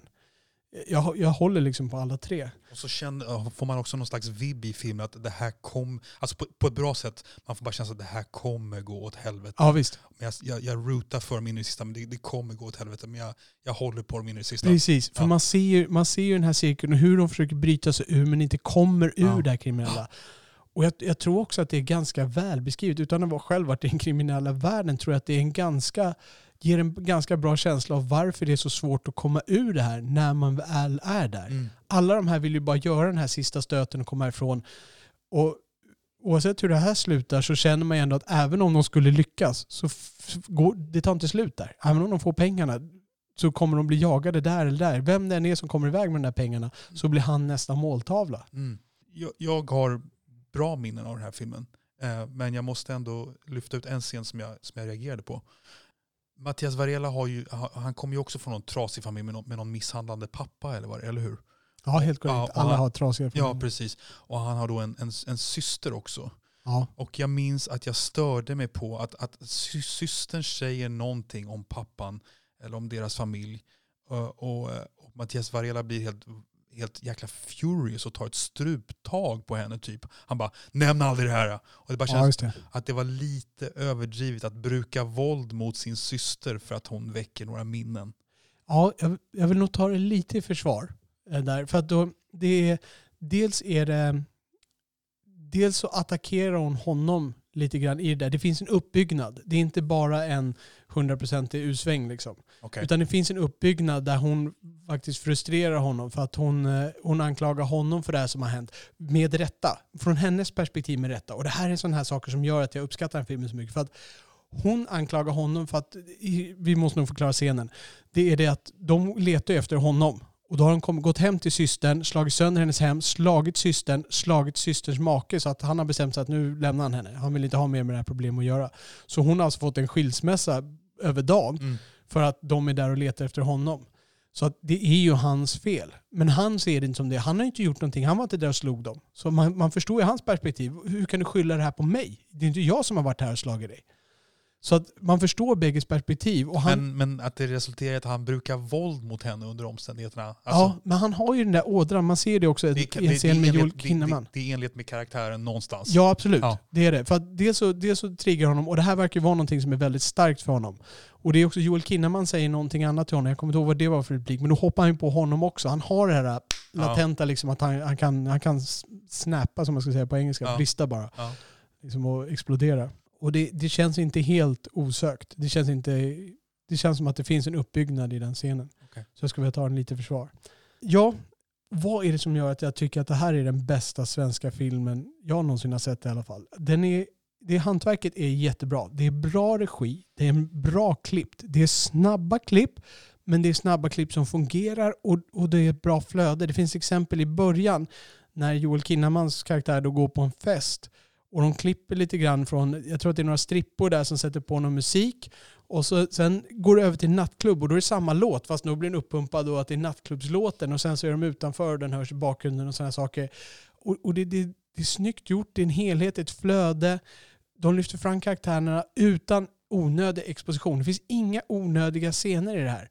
Och det är inte de här standardgrejerna heller. Han har en relation till en tjej. Joel Kinnamans karaktär har ju en relation till en tjej där som också blir känslosam. Hon blir väldigt kär i honom och han håller ju på att eh, spola ner hela sitt liv i toaletten med alla de här kriminella grejerna då och det blir bara värre och värre. Är, hon, är, hon en, eh, hon är, är hon en bra nyanserad skildring? Alltså en, en tjej som både liksom är, är godhjärtad men som ändå är van vid en viss materiell status och som liksom måste... Hur, jag, minns inte, hur- jag minns inte hur man skildrade henne faktiskt. Nej, jag- tror att man skiljer henne som att hon, hon tycker verkligen om honom för den han är. Han har egentligen hittat det han söker. Ja. Han har hittat en person, för han tror att han måste Han ha den här statusen. och fuckar upp allting. Nej, precis. Han har egentligen det han vill ha. Han har den här tjejen. Han har en bra karriär för han, alltså framför sig för han är en bra student. Ja. Och han har, han har societetsvänner. Men han känner sig aldrig tillräcklig. Han tror att hon inte uppskattar honom. Trots att hon om, alltså gång på gång på gång bevisar att hon faktiskt älskar honom. Så kan inte han se det för han tror att han bara kan bli älskad om han är den här personen som han aldrig kommer bli. Den här societetspersonen. Och lyckas Joel Kinnaman fånga upp den komplexiteten? Ja, tillräckligt bra. Den här filmen är nog den film han var född för att spela. Kanske. Och För att han, är också, han har en lättsamhet i den här filmen som man saknar lite grann i hans andra filmer när han bara ska vara tuff och råbarkad. När han bara ska vara Robocop. Liksom. Ja. Det kan inte Altered Carbon i en serie som gick på Netflix, sci-fi-serie där han har huvudrollen. Och han, han passar bra där, han är tuff liksom. Men, men det är liksom ingen skådespelartalang som, som lyfter honom där. Men här ser man glimtar, han är lättsam, han är rolig, han, han är blyg på ett positivt sätt när han är med den här tjejen till en början. Liksom. Och det, ja, det, det funkar. Joel Kinnaman funkar väldigt bra i den här filmen. Och regin som sagt, det, det tror jag dock är den stora nyckeln. Han på något sätt får de här skådespelarna avslappnade. De kan spela de här rollerna väldigt realistiskt. Eh, också, jag nämnde klippningen, men ljuset är någonting jag vill lyfta fram. För att han använder ljuset väldigt mycket. I de här scenerna när han är till exempel med den här tjejen så är det nästan alltid, det är så här solsken du vet, som dränker kameran lite grann. Som, som skapar den här känslan av, av att det här är liksom en ljusglimt i hans liv. Värme. Ja, Ja. precis. Det här, det här är det sanna ljuset. Liksom. Här har han de här grejerna. Ja. Utan att det blir allt för uppenbart. Alltid. Ja, precis. Och sen finns det den här musiken i bakgrunden som är en nerv som hela tiden talar om det här äh, det som ligger där i bakgrunden och håller på att hända och faktiskt stegrar lite grann med filmen. Också mästerligt påfört. Alltså alla ingredienserna är fantastiskt bra hopkokta till en fantastiskt bra film. Har du någon relation till böckerna? Inte det minsta. Jag har inte läst någon av böckerna. Du hade läst Nej, böckerna? jag har inte läst nej, du har inte läst nej. dem heller. Nej. För att, som jag förstod det så var boken som skriven av Jens Lapidus Lapidus, Lapidus, Lapidus, Lapidus, mm. tror jag. var väl den boken som den är baserad på är egentligen historien både från ettan och tvåan. Förstod jag det rätt? Alltså jag tror att ettan följer boken. Ja. Och sen vet inte jag hur mycket det ballar ur i tvåan. Trean är garanterat helt urballad. Jag tror kanske trean ballar ur. ja. Trean är ju så dålig så det liknar ingenting. Nej. Och det är av en bra regi, alltså en regissör som har gjort en annan väldigt bra film. Jag kommer inte ihåg vad han heter. Men han gjorde en väldigt fin arty film som hette Ping Pong Kingen. Aha, Som jag, blev ganska, som jag tyckte var ganska gripande faktiskt. Eh, men alltså, jag vet inte ens om det är regissörens film. Den storyn är, är helt bananas. Alltså verkligen. Men du, har- du har sett både tvåan och trean? Ja. Och du tyckte tvåan var bättre än ettan? Ja, jag tyckte två, det har väl lite grann att göra med, med förväntningarna också. Det var väldigt höga förväntningar på filmen. Tyckte jag. Det var på ettan? På ettan ja. ja. Och, men sen så fick jag för mig att ja, men jag går och ser tvåan. Och tvåan är ju lite mer, eh, ja vad ska man säga, jag, jag bara minns det som att jag tyckte det var, det var jag minns fler scener från tvåan. Eh, med Fares, Fa- är Fares Fares med i den första filmen? Ja, han är ju det. Ja. Jag kommer inte ihåg att han var med i den första filmen. Han är en annan svarttaxichaufför Just det. som också kör... Just det. Men han får lite större roll i tvåan. Ja, Ja. Han, och en mindre trovärdig roll i mina ögon. Okej, jag tyckte bara att det där var en väldigt bra deppskildring av en person som är på glid. Han har alltså skulder och går på syrrans bröllop och snor hela hemgiften i princip. Ja, precis. Ja. Eh, Jag tyckte det var jättebra. Ja, jag, ja, för mig funkar inte det. Nej. Jag tror att det var en av de scenerna som jag skar mig på i den filmen faktiskt. Just den scenen. Okej. För att han... Alltså det, ja, jag vet inte. Det, det steget är så jäkla långt innan man stjäl sin syrras hemgift antar jag. Och han sålde inte den desperationen tillräckligt mycket i resten av filmen. Alltså det, man ska vara jävligt djupt ner när man gör en sån sak. Alltså det är ett jäkligt desperat drag. Okej, men är är han inte slav under koks också eller något sånt där då? Eller? Inte mig vetligen va? Nej. Inte vad jag kommer ihåg. Men det är mer motiverat när han flyger på, när Varela flyger på sin syster där i ettan. Det skulle jag säga ja. Ja. För att det, den, den köper jag mer. Sett Ja. till karaktären, sett till uppbyggnaden, sett till Ja. systern och det där. Jag, och, och jag- det, jag, när, när vi säger flyga på också, Mm. det är ju liksom, han tar ju ett grepp på henne. ja. För en sån karaktär som honom som är van vid våld och död, Mm. så tror jag att det, det är en mycket mildare sak. Det är ungefär som att du och jag kanske skulle spänna ögonen i någon. För dem är det liksom bara liksom en markering. Mm. Jag, jag tror att man också behöver ta med sig det. För, för om du och jag skulle ta stryptag Ja. på våra respektive, då skulle det vara, det skulle vara liksom, nu är det skilsmässa på gång. Liksom. Men här är det, i hans värld är det nog mer normalt. Ja. Nej, jag minns det som att jag tyckte Mattias Varelas eh, karaktär fick ta mer plats i tvåan. Och, eh, Ja. Du, du pratade om en machoscen. Det- Tänker du på den här scenen när de är i ett kök där? ja, De är hos några jugoslaver. Ja. Ja. Precis. Och de faktiskt... Och då fick han, fick han, riktig, han fick riktig Al Pacino-klass på det tyckte jag bara. Era jävla motherfuckers, nu jävlar. Ja, just det. Jag fick lite, jag, jag, man gillar ju sånt. Och de, de, de använder ju fast om motherfucker bokstavligt övertalat. Gör de det? De gör ju inte svengelska. Nej, utan, eh, Det är mamma. Ja, precis. Ja. Så att, eh, och han säger ju det väldigt mycket. Och det är också en så här, ja, lite svårt för det. Men det, det, det kanske är så man snackar i den Ja, kretsen. Jag vet inte riktigt. ja. Jag får åka dit och lyssna lite grann, eller helst inte ändå. Men det här är den bästa svenska filmen enligt dig? Ja, det är Ja. den bästa svenska filmen jag har sett i alla fall. Och jag, jag har svårt att tänka mig att någon av de andra som jag inte har sett skulle bräda den här. Ja. Den tilltalar mig förlåt, förlåt, bara säga, jag, jag funderar på en grej. För du, du har ju sett ettan och tvåan. Ja. Och sen jag har sett ettan och tvåan och såg trean. Och jag tror du valde att inte se trean för jag typ dissade den så mycket. Helt Ja. korrekt. Men finns det inte en liten samlarådra i dig som bara känner att jag måste se trean för att wrappa upp det? Precis som jag måste se Rocky 4 fast den är skit. Jag har sett alla andra Rocky-filmer. Nej, det gör det inte för att jag tror jag kan skilja mellan när man försöker bara mjölka ut någonting. Alltså, jag tycker att ettan, det, det är en det är en fin film och den borde ha fått stanna där nere. Jag tycker tvåan inte borde ha funnits överhuvudtaget heller. Men du har alltså ingen sån här, för att jag, jag, jag är ju på det klara med att Rocky 4 är mjölkning in absurdum, 3 är ju också, allt är ju mjölkning. Men det finns bara en liten samlarådra som kickar in. Så liksom, det är liksom precis som det ska vara rent och städat i en, i en lägenhet om du förstår. Ja, jag förstår. Jag förstår. Och jag känner att till exempel att jag måste se Rocky 2, även om jag inte är så sugen på den. Den är bra. Ja, precis. Ja. Jag har hört att den är bra.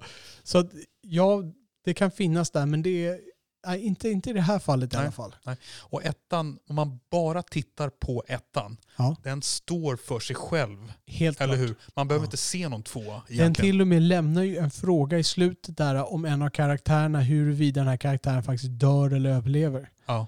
Och den frågan vill jag hellre ha obesvarad.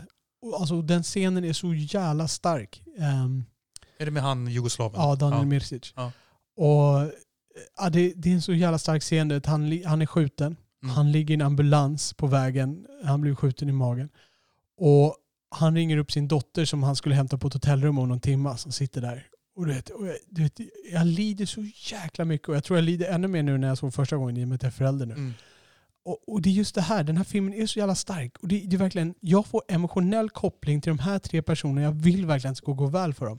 Och jag lider när han ligger där och pratar med sin dotter och liksom hostar och blodet kommer upp. Liksom och kommer han ens överleva? Hans dotter liksom har noll föräldrar kvar nu. Eller, han vill egentligen bara vara med sin dotter. Han, han lovar henne att han ska aldrig mer skiljas från henne. Man, man, man, jag köper hans ånger liksom. Och jag, jag, skulle bara vilja, jag skulle vilja ge en riktig applåd till Daniel Mircic och sätta han porträtterar. Han är alltså före detta bankrånare på riktigt. Jag har sett honom i en otroligt obehaglig roll, också med Fares Fares av Josef Fares. Den heter Leo. Leon? Ja, den heter Leo. Okay. Där, det, är någon, det är någon svensk kille, jag kommer inte ihåg vad han heter, karaktären eller skådespelaren. Men han, han och hans tjej bumpar in i den här Mircic-karaktären ja. i den filmen. Och, för mig, och Mircic typ misshandlar hans, hans flickvän till, ja. till död. Har du sett den eller? Nej. Och den filmen är, är ganska då, den är, den är vidare bra sen. Men han, det är en den scenen där, det, det, det, ja, han är kungen av brutalitet. Alltså. Ja, jag kan tänka mig att han, han kan säkert passa en sån, men just här får de ju en mänsklig ja, ådra. Ja. Det är också en scen där han försöker övertala Joel Kinnemans karaktär, JV, att, att hjälpa honom ja. och förråda sina tidigare medarbetare. Och, och den scenen, den fruktar jag liksom, hur, hur ska de få till det här? Men de får till det. Dels får de till det rent rationellt med ett argument. Det, det har hänt saker innan som gör att han är öppen för det, Joel Kinnemans karaktär. Och dels sättet han presenterar det på är väldigt bra. Det är bra manus, det är bra skrivet. Det här, kan, det här skulle den här karaktären kunna köpa och han levererar det på ett så pass bra sätt också. Och hur, får man veta hur, vad han går för öde till mötes i tvåan? Har han dött då eller? Mircic? Ja. Nej, han har blivit förlamad tror jag. Han sitter i rullstol. Han, ah, han och Kinnaman hamnar på samma fängelse då. Jag, jag vill nästan inte prata om ah, tvåan okay, för den okay. förstör ettan för mig. Okay. För jag menar den här filmen den är, den är speciell för mig. Den är, ja. Um, ja, den tilltar mig på flera sätt. Och, har du sagt vad du har gett den, vad har gett den för betyg på IMDB? En nia. En nia. Ja, så mm. det är näst högsta betyg. Och som sagt, vi, vi tänkte om vi skulle ta någon podd någon gång och prata om vilka filmer jag har som nior och tio där. Ja. Faktiskt se där. Uh, för jag har ju bara kanske, vad är det, 12 10 av alla 900 filmer som jag har okay. skrivit ner. Jag får börja komma ikapp och betygsätta lite så kan jag prata om, jag kanske kan hitta två tior då. Ja okay. ja, men det, det skulle vara jätteintressant ja. att höra. Ja, jag tror att jag har sagt det som jag vill säga. Bra skådespeleri, bra regi, bra allting ja. givetvis på en film som jag ger det här. Och mycket känsla. Då så, ska vi gå över till eh, bottennappet? Ja, och det känns, nu när jag har suttit och håsat svensk film här så ska jag nu sitta och såga dem. Man skulle nästan ha börjat i andra änden. Ja, så ja, det känns som sagt tråkigt att sluta på en negativ not, men det är vårt upplägg så nu ska vi köra här. Det svenska bottennappet. Jag, det här är faktiskt inte den svenska film som har lägst på min lista. För jag gjorde en liten filtrering. Jag tog bort de här lågbudgetfilmerna. Det finns en film som är en etta, en svensk film, som heter Sherdil. Ja, med hon från Fucking Åmål. Exakt, det var väl hennes uppföljare till Fucking Ja, Åmål, Rebecca. Rebecca Liljegren. Ja, det. Ja. Och det är en hästfilm som jag gick och såg med min brorsdotter på bio. Och den är så katastrofalt dålig. Alltså där kan du prata om, alltså det är ett hantverk som är, det är infantilt. Det Det är så dåligt klippt och regisserat så att det är helt sjukt. Och jag kommer ihåg, jag skrev ett inlägg om det här på IMDB och regissören svarade mig. Fan vad Det är kul. nästan som en liten Lassie. Ja, det är en. Lassie, det är en hon Lassie. ursäktade sig lite Ja, grann. hon ursäktade sig. Ja. Ja, hon ursäktade sig lite Ja. grann där. Vad sa hon då? Eller var bara så här, Ja, vad intressant. Du, jag ser till att ha med mig det här till, eh, till nästa gång. Det skulle Okej. nästan kollat upp. vad tyckte din brorsdotter då? Eh, Jag vet inte där. Det var hästar, det var en tjej. Jag tror hon tyckte det var okej, men jag tror hon till och med hon kände att det var lite dåligt. Hon är, ja vad var hon då? Då var hon kanske 13-14 eller så. Okej. Ja. Jag, hade, jag trodde hon kanske var åt, åtta. En 13-14-åring köper nog inte det där kanske. Nej. Nej. Nej. Jag, jag kanske får kolla upp årtalen. Men eh, så den ligger lågt. En annan svensk film som ligger lågt är En till Sällskapsresan, Hälsoresan. Den sista Sällskapsresan. Som, Gurkor på huvudet. Ja, på ansiktet. Där. på ögonen. Ja. Ja, precis. Den, eh, den var verkligen inte bra. Jag gick och såg den på bio med min fru där. I förväntan att ha en lika mysig stund som jag hade med Snow Roller 2, men nej. Kom, kom hälsoresan före eller efter den där golfrullen då? Det, Hälsoresan är den sista. Så det först är det på Mallorca, eller vad Ja. det är. Sen är det Snow Roller som jag talade om tidigare. Sen så är det sjön. Ja. Och sen så är det golfen. Och sen så är det hälsoresan på spa då. Ja. Men de filmer som jag tycker är sämst är de dyraste. Det och jag säger de för att det är två filmer. Det är en film i två delar. Eh, och jag Alltså, tror... Ja. Jag tycker det blir, det blir en liten fin det blir en liten fin inramning på det här. För vi började då med en, en Lasse Åberg-film. ja. Och nu kommer vi liksom över liksom till någon slags motsatsen till Lasse Åberg med tuffa killar. Ja, verkligen. Det är nämligen Arn, del 1 och 2. Arn Tempelriddaren heter den första och Arn eh, Riket vid vägens slut heter väl den andra delen. Och det är två delar så att säga. Alltså, mer än två separata filmer. Och den första filmen kom 2007. Helt korrekt. Ja. Ja. Och jag hittade faktiskt en eh, bok i min bokhylla. Eh, den heter Stragetext. Det är en compilation av texter av eh, musikkulturjournalisten Fredrik Strage. Ja. Och han recenserade Oj vad Arn. intressant. Ja, Låt mig höra. och den här recensionen då, den kom i slutet på 2007. Eh, recension av Arn Tempelriddaren. Och den får ganska, alltså den får sig sina kängor men den får ett betyg 3 av 5. Okej. Ja, och, men alltså den, den får lite kängor men det, det, det, är liksom, det är ingen total sågning. Eh, men sen skriver han några veckor senare en, en text för DN som heter Jag ber om ursäkt för Arn-recensionen.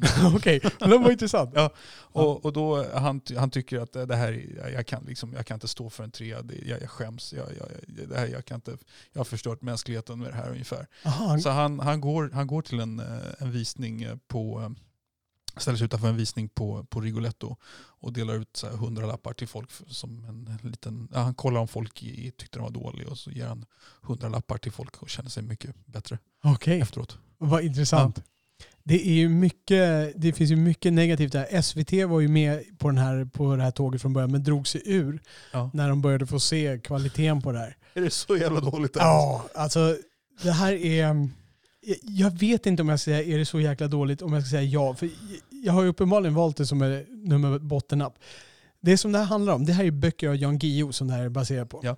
Och Jan Guillou han skriver om en karaktär i olika. Det är en tuff jävla kille som är bäst på allting men som är, om man ska säga blygsam vet jag inte om det är rätt ord, men han är ganska han är ganska omärkt till hans fantastiska talang kommer fram. Och det ser man ju lite i Carl Hamilton.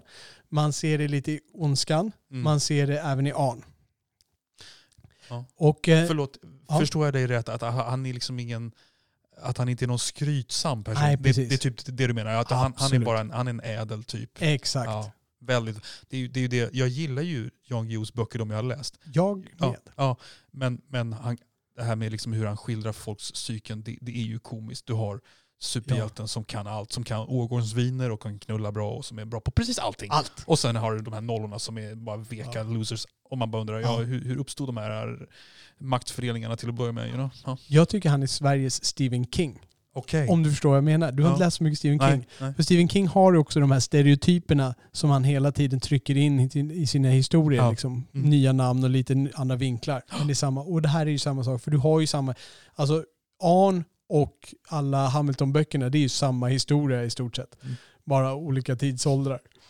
Så vad det här handlar om är ju en svensk eh, folkkung. Det, det är strid. Sverige finns inte som land än, utan det är götar och vad heter de? Götar och svear. De ska slåss där om kronan och de slåss om vem ska bli kung.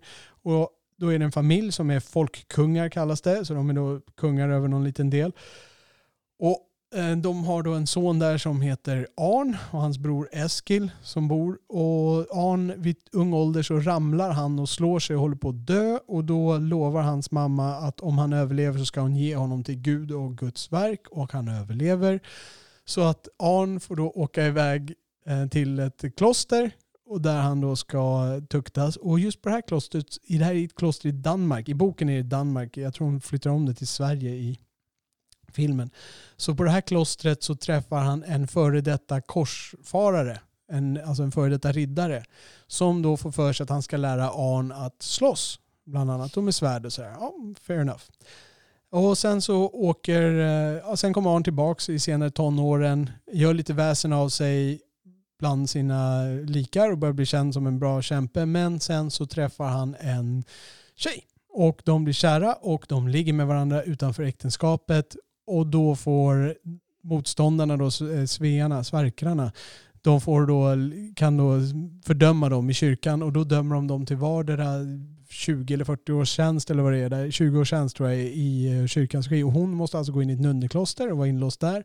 Och han får åka till ett annat kloster som då skickar honom vidare så att han blir korsfararriddare nere i eh, Jerusalem.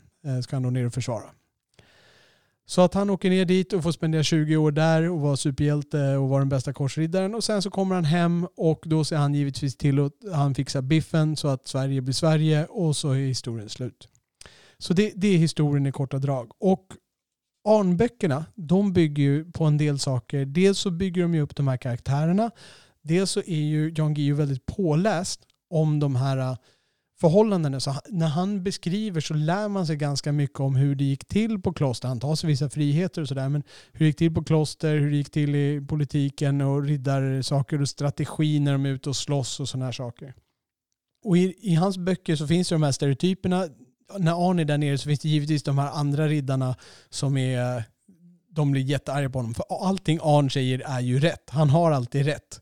Mm. Uh, han har alltid den bästa planen. Och när de inte gör hans bästa plan, då är det någon av de dumma som har sagt att nej, vi borde göra så här. Vi lyssnar inte på den där dumma göten. Och så gör de det och så går det åt pipan. Och det visar att Arn hade rätt. Uh, och i böckerna fungerar det mycket bättre än vad det gör i filmen. Men det som är filmens stora brist är att det finns ingen jävla historia. Det här är... En långtråkig? En, men det är en samling scener. Ja. Och jag, det, jag vet, du, tyvärr så såg du inte den här filmen i sin helhet inför det här. Tyvärr? Ja, tyvärr är det så. För att jag skulle vilja ha hört dig som inte har läst böckerna. För jag som har läst böckerna, jag förstår ju vad vissa av de här scenerna ja. avser. Men alltså, jag, jag tror att alltså, det är bara det är som klipp. Det är som klipp från böckerna. Här, vi tar en ja, scen här. Det är alltid problematiskt. Ja. Jag, jag har faktiskt hört till dem som alltid propsar för att se filmversionen först, läs boken sen. Varför då? Nej, men jag tycker det, det, det, har aldrig slagit fel. Jag såg filmen Gudfadern först. Sen läste jag boken. Boken är skitbra. Um, har du gjort tvärtom någon gång och fått negativt? Ja, ja men det, okay, det, det, det faller ju inte bara på ordningen. Men jag vet att jag läste jag vet, Nick Hornby. Ja, about, about, a, about, a boy. about a boy. Den läste jag som bok först och sen såg jag filmen med, med Hugh Grant. Och den var, det är så taffligt berättad. Dålig, ja. dålig film. Um, jag, jag, tycker att man får, fler, man får ju fler dimensioner av boken. Och jag, kanske inte att, att, boken är bättre, men man har liksom mer att hämta från boken. Att börja i den änden. Ja. För, för man blir nästan alltid besviken, tycker jag. Jag är nästan alltid besviken på, på filmen efter att jag har läst boken. Det finns undantag, men det är mycket bättre ordning. Börja ja. med filmen. Jag kan, jag kan köpa det. Mm. Det låter, som logiskt, låter både logiskt och emotionellt korrekt. Ja, men som sagt oavsett, oavsett alltså har man inte läst boken, jag vet inte om man förstår exakt det som händer. Det Nej. blir så jättekonstigt då. Um, för det, är liksom, det, det, hoppar liksom bara och det blir så lösryckt. Det, blir ingen, det finns ingen uppbyggnad av karaktärerna, det finns ingen uppbyggnad av karaktärsark. Uh, alla bara är en roll som, som flashar förbi. Hans pappa spelade Mikael Nyqvist. Det är ganska många kända svenskar. Mikael Nyqvist är med, Stellan Skarsgård är med. Uh, han som spelar huvudrollen kan vi nämna Joakim Netteqvist som inte har gjort så mycket att hänga i granen efter det här. Okay. Det är inget uh, fel på honom egentligen. Nej. nej. Och sen finns det lite internationella sådana här som man känner igen och har sett i biroller i andra filmer. Mm. Ehm, men det, alltså det, det funkar. Alltså jag vet inte, Joakim Netterqvist, jag vet inte hur mycket man ska skylla på honom, men han, han får ingen liv i karaktären. Men å andra sidan, i den här regin får ingen liv i karaktären. Den är regisserad av en dansk Mm. som eh, inte, ja vad var det han hade gjort? Han hade inte gjort någonting som var mycket att hänga i granen innan. Förlåt, sa, sa du att det här var den mest påkostade svenska? Ja, nordiska till och med. För det är Nordiska. ett nordiskt samarbete. Så det är verkligen pengar down the drain? Absolut. Det är helt klart pengar down the drain. Om du tittar på dekoren, alltså miljön, Ja, det är det enda som är värt att titta på i den här. Och det, men de utnyttjar den så jävla ja. taskigt. Ska köpa några bra manusförfattare? Ja visst, Alltså, men, och de filmar nere i Jerusalem. Det, Ja. det är bra scener. Den har till och med bättre specialeffekter än Ridley Scotts riddarfilm som hette någonting med Orlando Bloom. Ja, okej, all right. Ja. Så att den här den gör det bättre än dem. Men det är så jävla taffligt gjort. Och man ser vad han försöker göra. Ja. Men han är inkapabel. Det finns en scen när, när Arn då får leda riddarna och han ska ligga bakhåll för Saladins trupper. Och ska de rida ner och då ska det vara så här, Saladins trupper kommer där och det är en sandstorm och sen ser de liksom med korset och så rider de med solen i ryggen ska de komma stormande ner. Men han klipper så dåligt, han filmar från så dåliga vinklar så man ser vad han vill göra. Jag förstår precis den här maffiga bilden Mm. hur de här riddarna ska storma ner. Men- det blir så här 15 statister rider ner för en uh, kulle liksom, lite för brett mellanrum. Och så bara, what åh! Men det här, var alltså, det här var alltså två biofilmer som gick upp på bio? Ja, Och, och den ena Och- är typ och två, jag- bägge är så här 2.15 lång eller vad det är? ja, ja precis. Strax över två timmar Ja. både. Och de, du vet, de låg i korgen, reakorgen på ICA Maxi. Ja, jag ska inte säga månad efter premiären, men det var inte så himla mycket längre tid än dess. Okej. Och är det här, äh, finns det någon, finns det någon tv-serieversion också med 48 avsnitt? Eller? Nej, Nej. Ja, det, det kan vara möjligt att de kan klippa ner och tugga ut det. TV4 gick in och tog SVTs roll, så de har väl säkert någon variant på det där där de har klippt in det så kan trycka in reklam mellan varje Okej. sekund. Ja, ja, ja, det, finns, det finns inget förlåtande Alltså förlåtande, ja. Om man säger dekoren är bra, alltså utstyrseln är bra, liksom. det, kläderna de bär. Men Ja. det är allt. Skådespeleriet är dåligt. Klippningen är dålig. Historieberättarna är dåligt. Alltså allting är så dåligt med den här filmen. Och du vet, det, det är precis som du säger, det är, det är pengar nerspolade i toaletten. De har så många saker de skulle kunna göra. Och de, det är två timmar, det är svårt. Det är, det är inte utan utmaning där, men de har ändå tagit sig an utmaningen. De måste ju berätta någon historia. Antingen måste de berätta en historia om Sverige och, och Sverkan och skapa en nerv i det här, liksom, så att man bryr sig om det. Eller så måste det här vara en kärlekshistoria mellan Ja. Arn och, Ja. och jag kommer inte ihåg vad hans flicka heter nu, och hur de då, Kristina heter hon, och hur de då ska komma tillbaka ihop. Eller också, det måste vara nerven. Eller så måste nerven vara Arns personliga resa. De är, det är för lite liksom i Jerusalem för att det ska vara huvudpoängen i det här. Men för att något av det måste ju, man bindas till känslomässigt. Men här, det finns ingenting. Det är bara, hej, nu åker jag, jag kommer tillbaka och räddar dig, aldrig, avlägga alla klostren, nu ska vi bara ut där, döda där, de dör där. Finns det någon brutal så här, svärd i ögat-scen, någonting sånt då? Nej, de, de snålar ju ner på, på stridsscenerna där. Det finns en scen där han dödar hans häst. Eh, det han träffar några eh, faktiskt, alltså, som egentligen är på hans sida men som håller på och slaktar saracener är det, Ja. tror jag, ute i öknen. Och han säger det här, så här ska vi inte göra, de här hjälper oss, liksom. de här är oskyldiga i det här kriget. Nej, de är bara saracener, vi ska döda dem. Och då tar ju Arne upp och så klubbar ner alla tre och så bara haha, sådär, eller haha säger han inte för att han är ödmjuk. Utan han klubbar ner de där tre med en backhand såklart. Du vet, han tappar till och med vapnet. Och, vet, och där finns det en scen när han rider fram och den ena har ett spjut och han kommer med sitt svärd. Och så bara slår han ner honom. Och du vet, jag spolar tillbaka den här scenen fyra gånger och jag kan inte se hur de ens ska föreställa att han undvek hans lans och lyckades slå ner honom från hästen. Jag kan inte ens se, det är så dåligt gjort. Liksom. Utan det är bara, man, det klipper, han kommer med det här, kommer han med spjutet, han kommer med svärdet och sen bara poff! Och så ligger han ner på marken. Okej, men vad gjorde han? Hur, gjorde, hur fick han bort lansen? Han borde ju ha varit spetsad. Liksom. Men i alla fall, i den scenen så reser sig sen den här äh, gubben upp och äh, hans motståndare och dödar hans häst. I boken är det här en jättestor sak, för de har byggt upp hans relation till den här hästen genom hela boken, genom Hans hela Jolly historien. Jumper. Ja, Exakt, hans egen Jolly Jumper. Och du vet hästen har ett namn, hästen har en bakgrund, hästen har en historia, de har ett lidande tillsammans, de har livsverk tillsammans, liksom hur hästen har räddat honom i flera situationer. Mm. Men här i filmen så är det ju bara några klipp.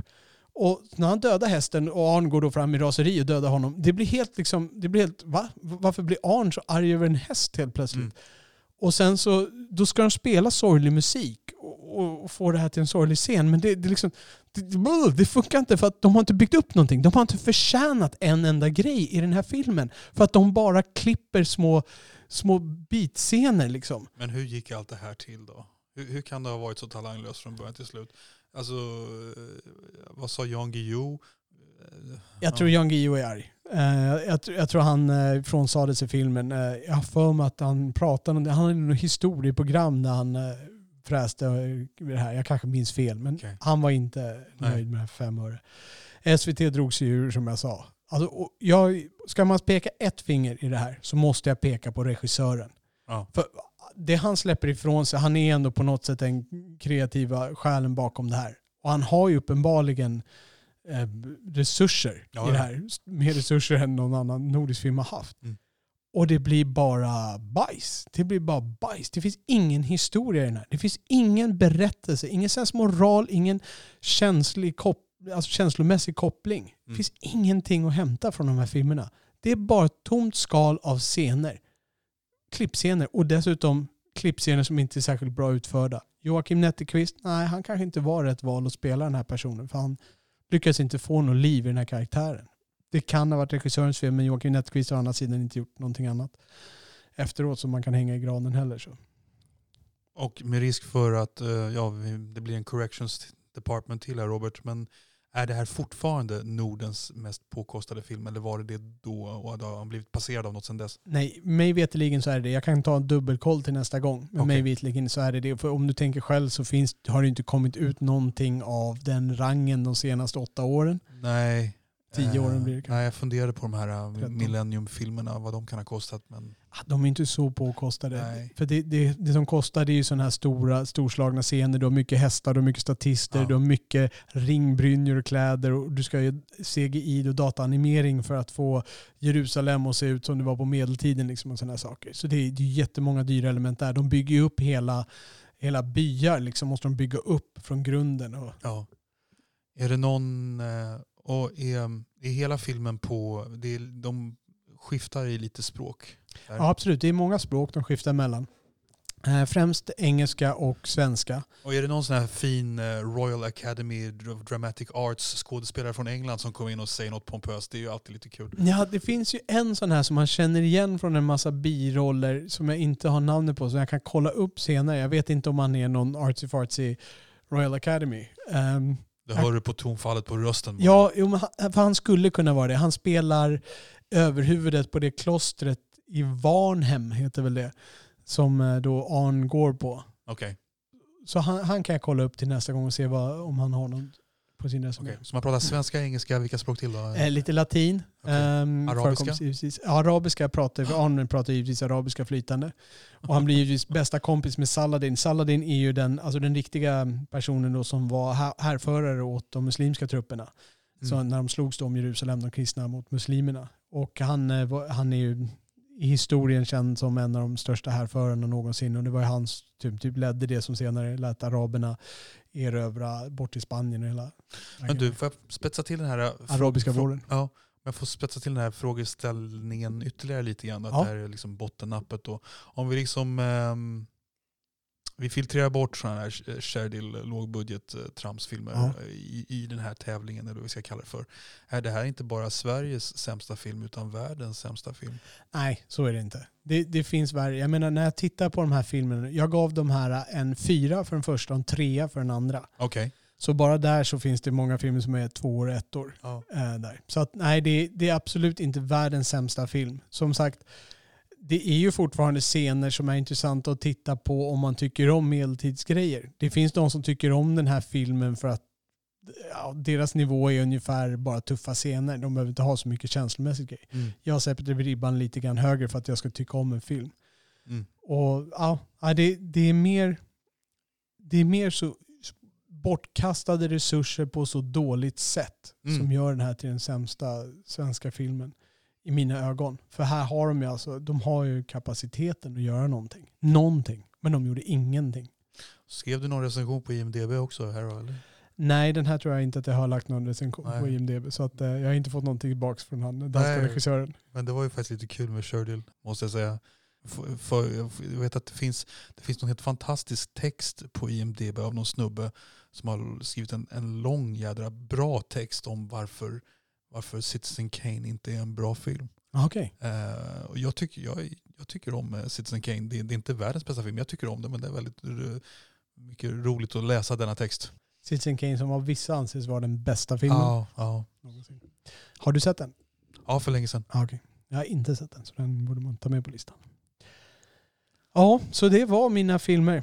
De tre bästa var då eh, trea Sällskapsresan 2, tvåa Fanny Alexander och ettan var Snabba Cash och bottenappe var Arn-filmerna Okej. som jag Ja, inte kan leva med. Ska jag rangordna de tre jag har sett? Ja, vad- Ja. vad tycker du om de här filmerna personligen? Ja, men alltså, jag, gillar, jag gillar, jag har respekt för de tre som du lyfter. Men du kanske inte skulle sätta Sällskapsresan så högt? Nej. Nej men för mig, Sällskapsresan 2 det är, ja, men det är väl barndomsskimmer. Ah, Okej. Eh, jag, tror att, jag tror att jag, om jag skulle se om allihopa så skulle jag nog tycka mer om ettan. Faktiskt. Eh, Snabba Cash, jättebra. Tycker mer om tvåan som jag minns det. Och Fanny Alexander, den är ju jättebra. Alltså verkligen. Men det var länge sedan jag såg hela filmen. Hela Fanny Alexander. Ja, det var länge sedan.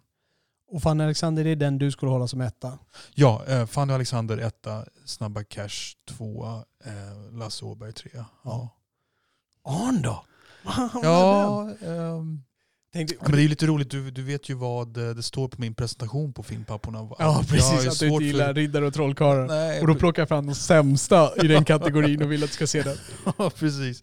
Eh, nej, eh, jag vet inte varför jag har så svårt för eh, riddare egentligen. Det, jag vill helst hålla mig i lite modernare tider.